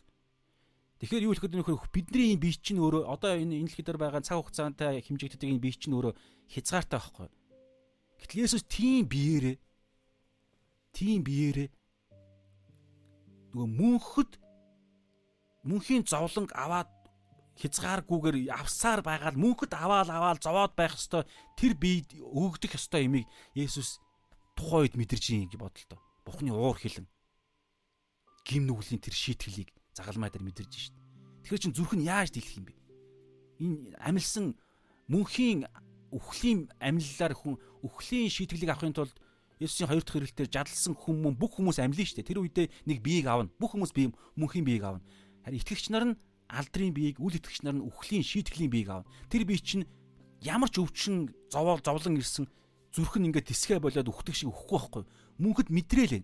Гэтэл Есүс өөр тэр энэ анхныхаа гимгүү бие дээрээ гими аимшигтай имийг уур хилэн авах үедээ тэгж зүрх нь асар их шаналл тэр нэг юм зовлонгоо дийлэхгүй зүрхэн тэр cardiac failure гэдэг байгаа тэр зүрхэн дэлбэрж байгаа байхгүй. Тэгээд ус цус нь холдож байгаа нь ийм байгаа. За ерөөдөө өнөөдөр ихс ингээ өндөрлж чинь тэгээд бүгдээрээ дүгнэе. Юу гэж дүгнэх вэ гэхээр асар их түрүү ингээл ярьж байгаа төртөл ингээл дотор бол ингээл цус цус тэр нэг юм Есүсийн аимшигтай бидний өмнө зовсон тэр хайрынх нь илэрлэн над мэдрэгдэж байгаа. Тань ч гэсэн мэдрэгдсэн. Тэгэхээр итгэж хүн тэ эзнийгаа мэдэрт эзэнтэйгээ холбоотой хүн байгаа бол мэдэрдэг мэдэрнэ л дээ. Та энэ үед ч биш бай. Амьдралынхаа үед би тэ магтаалын үеэр, номлолын үеэр, залбирлын үеэр бид мэдэрдэг штэ. Тэгэхээр тэр зүйлийг бас сайн мэдэрч байгаа. Дамаа энэ Есүсийн энэ хүү тэр э, зүрхний ус цус нь холд гарч ирж байгаа байдал, ус цус нь хамтдаа гарч ирж байгаа байдал. Тэгээд энэ арда тэр Эли Эли лама сабахтаны гэдэг тэр хэлсэн үг Мата дээр байгаа. Аа хаана нэлээ? Мата 27-гийн 46 дээр байгаа. Тэр үг бидний төлөө байхгүй. Тэгэхээр бид тэгээ дараагаа тетелестай гэж хэлж байгаа тэр үгч нь өөрөө бүгдийг дуусгасан гүцээч гисэн. Бүх юм нь гүцээч гисэн. Бидний дорой байдал, бидний залхуу байдал, бидний гимгүү байдал хүртэл тэрийг өөрчилж чадахгүй. Гэхдээ төгс хийгдсэн төгс гүйцлээ гэдэг юмар бид төгс амьтаа нэгдсэн байхгүй. Тэгээд төгс шин амьдрал эхэлсэн. Энэ төгс шин амьдрал чинь өөрөө Есүсийн сүнсээр нь үгээр нь амьдрдаг. Есүсийн загалмайн амьдралыг нь өөрийнхөө амьдралаа зорилгыг загалмайн зорилго буюу бусдын авралын төлөө хаанчлалын төлөө явах энэ зорилгыг өөрийнхөө зорилгоо болгодог тийм л төгс амьдрал. Тэгээд нэгүсэлтэй нэгдсэн. Еврей дөрөв дээр байгаа. Нэгүслийн хаан ширэнд очдог ийм амьдрал. Энийг бид Эфес 4 4:22-оос 24 дээр хэлж байгаачлан бид оюун санаагаа шинжилснээрээ энэ төгс төгс гүйцэлсэн энэ зүйлийг бид мэддэг мэдээд тэгээд энэ энүүгээр бид ингэж шинчлэгддэг шинэ хувцас өмсдөг. Тэгээ энэ төгс хийсэн юм бүгдээрээ үргэлжлүүлэн судлаа. Дараагийн 3 дахь өдрөөс эхлээд Есүсийн амьлалын талаар гарч эхэлнэ. Тэгээ ерөнхийдөө бол Йохан 21-р бүлгээр дуусна. Матай номч гэсэн ер нь дөхөж байгаа. Арай болоогүй. Гэхдээ ер нь дөхөж байгаа. Тэгээ дараагаар Ром ном, Үүс ном руу орох гэж байгаа. Тэгэхээр үргэлжлүүлэн та заавал хамт байгаасаа гэж хүсэж байна. Би нэг айхтар гажим ярихгүй байгаа гэж найдаж байна. Ягаад тэгэхээр би Давид ингээ албан ёсоо хэлээ. Би одоо жишээнээр та дараа нь шалгаарай. Би ямар их үүсрүүлс авдаг вэ гэхлээр мэдээж одоо энэ шинэ гэрээний тайлбар ном ном тий үзэж байгаа. Гэхдээ миний гол авдаг юм юу гэхлээр өөрийнхөө яг энэ тий одоо Библи хувийнхаа судлаа ингэж э, боломжоор өөрөө судлана. Дараагаар нь энэ мэдээлүүд чинь би мэдэхгүй шүү дээ. Энийг хаанаас авдаг вэ гэхлээр мэдээж интернет Google Google гэсэн үг. Бас YouTube YouTube Google. За тэр нь чухал биш. Гол нь ямар хүмүүсүүдээс авдаг вэ гэхлээр та Skip Heights гэдэг хүн байгаа. Нэгдүгээр Skip Heights а оо Джон Маккартер Маккартер Джон Маккартер гэдэг хүн байгаа. За тэгэнгүүтлээ а өөр хэм байгаа лээ. За ямар ч гэсэн Паул гэдэг хүн байгаа. Бас Майк Макалонзи юу нэг пасторд байгаа. Тэгээ эдгээр пастор та яг ингээд судлаад чааш харах юм бол гайчин байхгүй шүү. Та найдвартай байж болно. Тэгээд өөр чин За ер нь иймэрхүү хүмүүс байгаа юм байна. Аа тий. Бас нэг нэр нь мартчихлаа. Гэх мэтчлэн би дандаа нөгөө нэг юм найдвартай их сурвалжаас би тэтгэр хүмүүсүүдийн комменти, комментэрүүдэд тайлбарууд гэсэн үг. Тэтгэр хүмүүсүүдийн библи судлалын видеонууд үздэг. Энэ мэтчлийн юм. Тэгээд дээр нэмээд би энэ дээр өөрийнхөө ингэ судлах үедээ энэ тэндээс яг зүрхээрээ ариун сүнстэй хүн чинь тэргүүрээ мэдрэн штэ тэгээ зүрхээрээ холбогдно. Тэгээд ингээд тэндээс ингээд олон юмнээ шүүгдэж гарч иж байгаа учраас харьцангуй гайгүй байхаа гайгүй байгаа байхаа гэж найдаж чинь. Тэр утгаараа та үргэлжлүүлэн хамт байгаарай гэж хүсэж байна. Тэгснээрээ хамтдаа бүгдээрээ урагшлая. Хамтдаа бүгдээрээ гэрэл рүү гарч ирья. Үн Йохан 8-ын 30-ны 32 дээр байгаачлан үннээр чөлөөлөгдөё. Бас 1-р Йохан 1-ийн 7-аас 8 дээр байгаачлан Христийн цус биднийг гэрэл дотор гим тэ дотроо байгаа хуучин ойлголтуудаа, бузар мууга, буруу зүйлсүүдээ гаргаж ирвэл гэрэлт гарч ирж ижил Христийн цус биднийг цэвэрлдэг, үргэлжлүүлэн цэвэрлдэг буруу ойлголтуудаас янз бүрийн зүйлсүүдээс тэр бүгдээр үргэлжлүүлэн хамт явъя. Тэгээд өнөөдрийн Библи судал дээр байсанчлан Есүс бидний төлөө бүх зүйлийг хийсэн шүү. Үргэлжлүүлэн Библийг судлаа. За шалаа залбираад өндөрлөө. Тэгээ ганц нэг комент байвал уншаа тий. Эзэн минь энэ цагийн талархаа. Тэгээ өнөөдрийн цагаар дамжуулан хүн төрлөختний түүхийн цорын ганц а гол цэг болсон гол эрх ашиг зориг болсон хамгийн гол их сурулж болсон гол тэр үнцэг те хамгийн чухал зүйл болсон тэр цагалмай үйл явдлыг бид өнөөдөр эцсийн байдлаар үзлээ эзэн. Тэгээд бидний амьдрал бас яг энэ загалмай үйл явдал дээр л загалмай энэ золиос дээр энэ төгс хийгдсэн ялалтан дээр энэ шилжилт энэ гайхалтай зүйл дээр бидний амьдрал төвлөрөх ёстой байдаг. Бидний бүх зүйл бидний амьдралын зориг, дуудлага хэлж ярьж байгаа үг маань гэр бүлийн эрх ашиг гэр бүл маань юуны төлөө амьдарж байгаа эхнэр үр хүүхэд ажил улс төр бүх зүйл энэ загалмай үйл явдлаас дэндүү хамааралтай. Тийм учраас эзэн минь бүх зүйлийг энэ загалмай дээр хийгдсэн таны төгс ажилтай үргэлж холбож харж чаддаг байхын тулд Эфес 4:22-оос 24 дээр хэлсэнчлэн оюун санаагаа шинчлэх энэ зүйл рүү эзэн минь та биднийг үргэлжлүүлэн шинжилж эзэн тэгээд ариун сүнсээ танд үнэхээр таны нөхөрлөлийг бид хүсэмжилж байна. Есүс нэрээр амин. За хамт байсан хүмүүстээ баярлалаа. Тэгээд комментууд байвал те. За тэгээд хамт байгаа шалом гэсэн хүмүүстээ баярлалаа. Амен гэж хэлсэн байна. За тэгээд наран туяад орцсон гэдэг хүн мэдлэг ихэрхэг болгодог бол харин эзнийг эрен хайгч зүрхэндээ даруусж ирдэг. Эзнийг эрен хайгч нь зүрхэндээ даруусж ирдэг гэж бодож байна. Маш их ивэл авч байна. Бурхандаа талархъя. Бурхан минь баярлаа. Мэдлэг ихэрхэг болгож бид нарыг хоёр нүртэй болгох мэдлэг дангаараа бол бидний хоёр нүртэй болгодог. Сайхан юм ярьдаг. Харин эзнийг эрен хайгч, эзнээс имээгч, эрен хайгч нь эзнийгаа илүү хүсгч нь, эзнийгаа хүслийг хүсгч нь зүрхэндээ даруусч ирдэг. Тэгээ бид илүү тэнгэрлэг гайхалтай зүйлсүүд рүү холбогддог шүү. Тэгэхээр бүгдээ хамтдаа энэ мэдсэн зүйлсүүдийг хэрэгжүүлэхийн төлөө зүрхээ өөрчлөхийн төлөө амьдарцгаая. За шалом сайхан амраараа баяр та.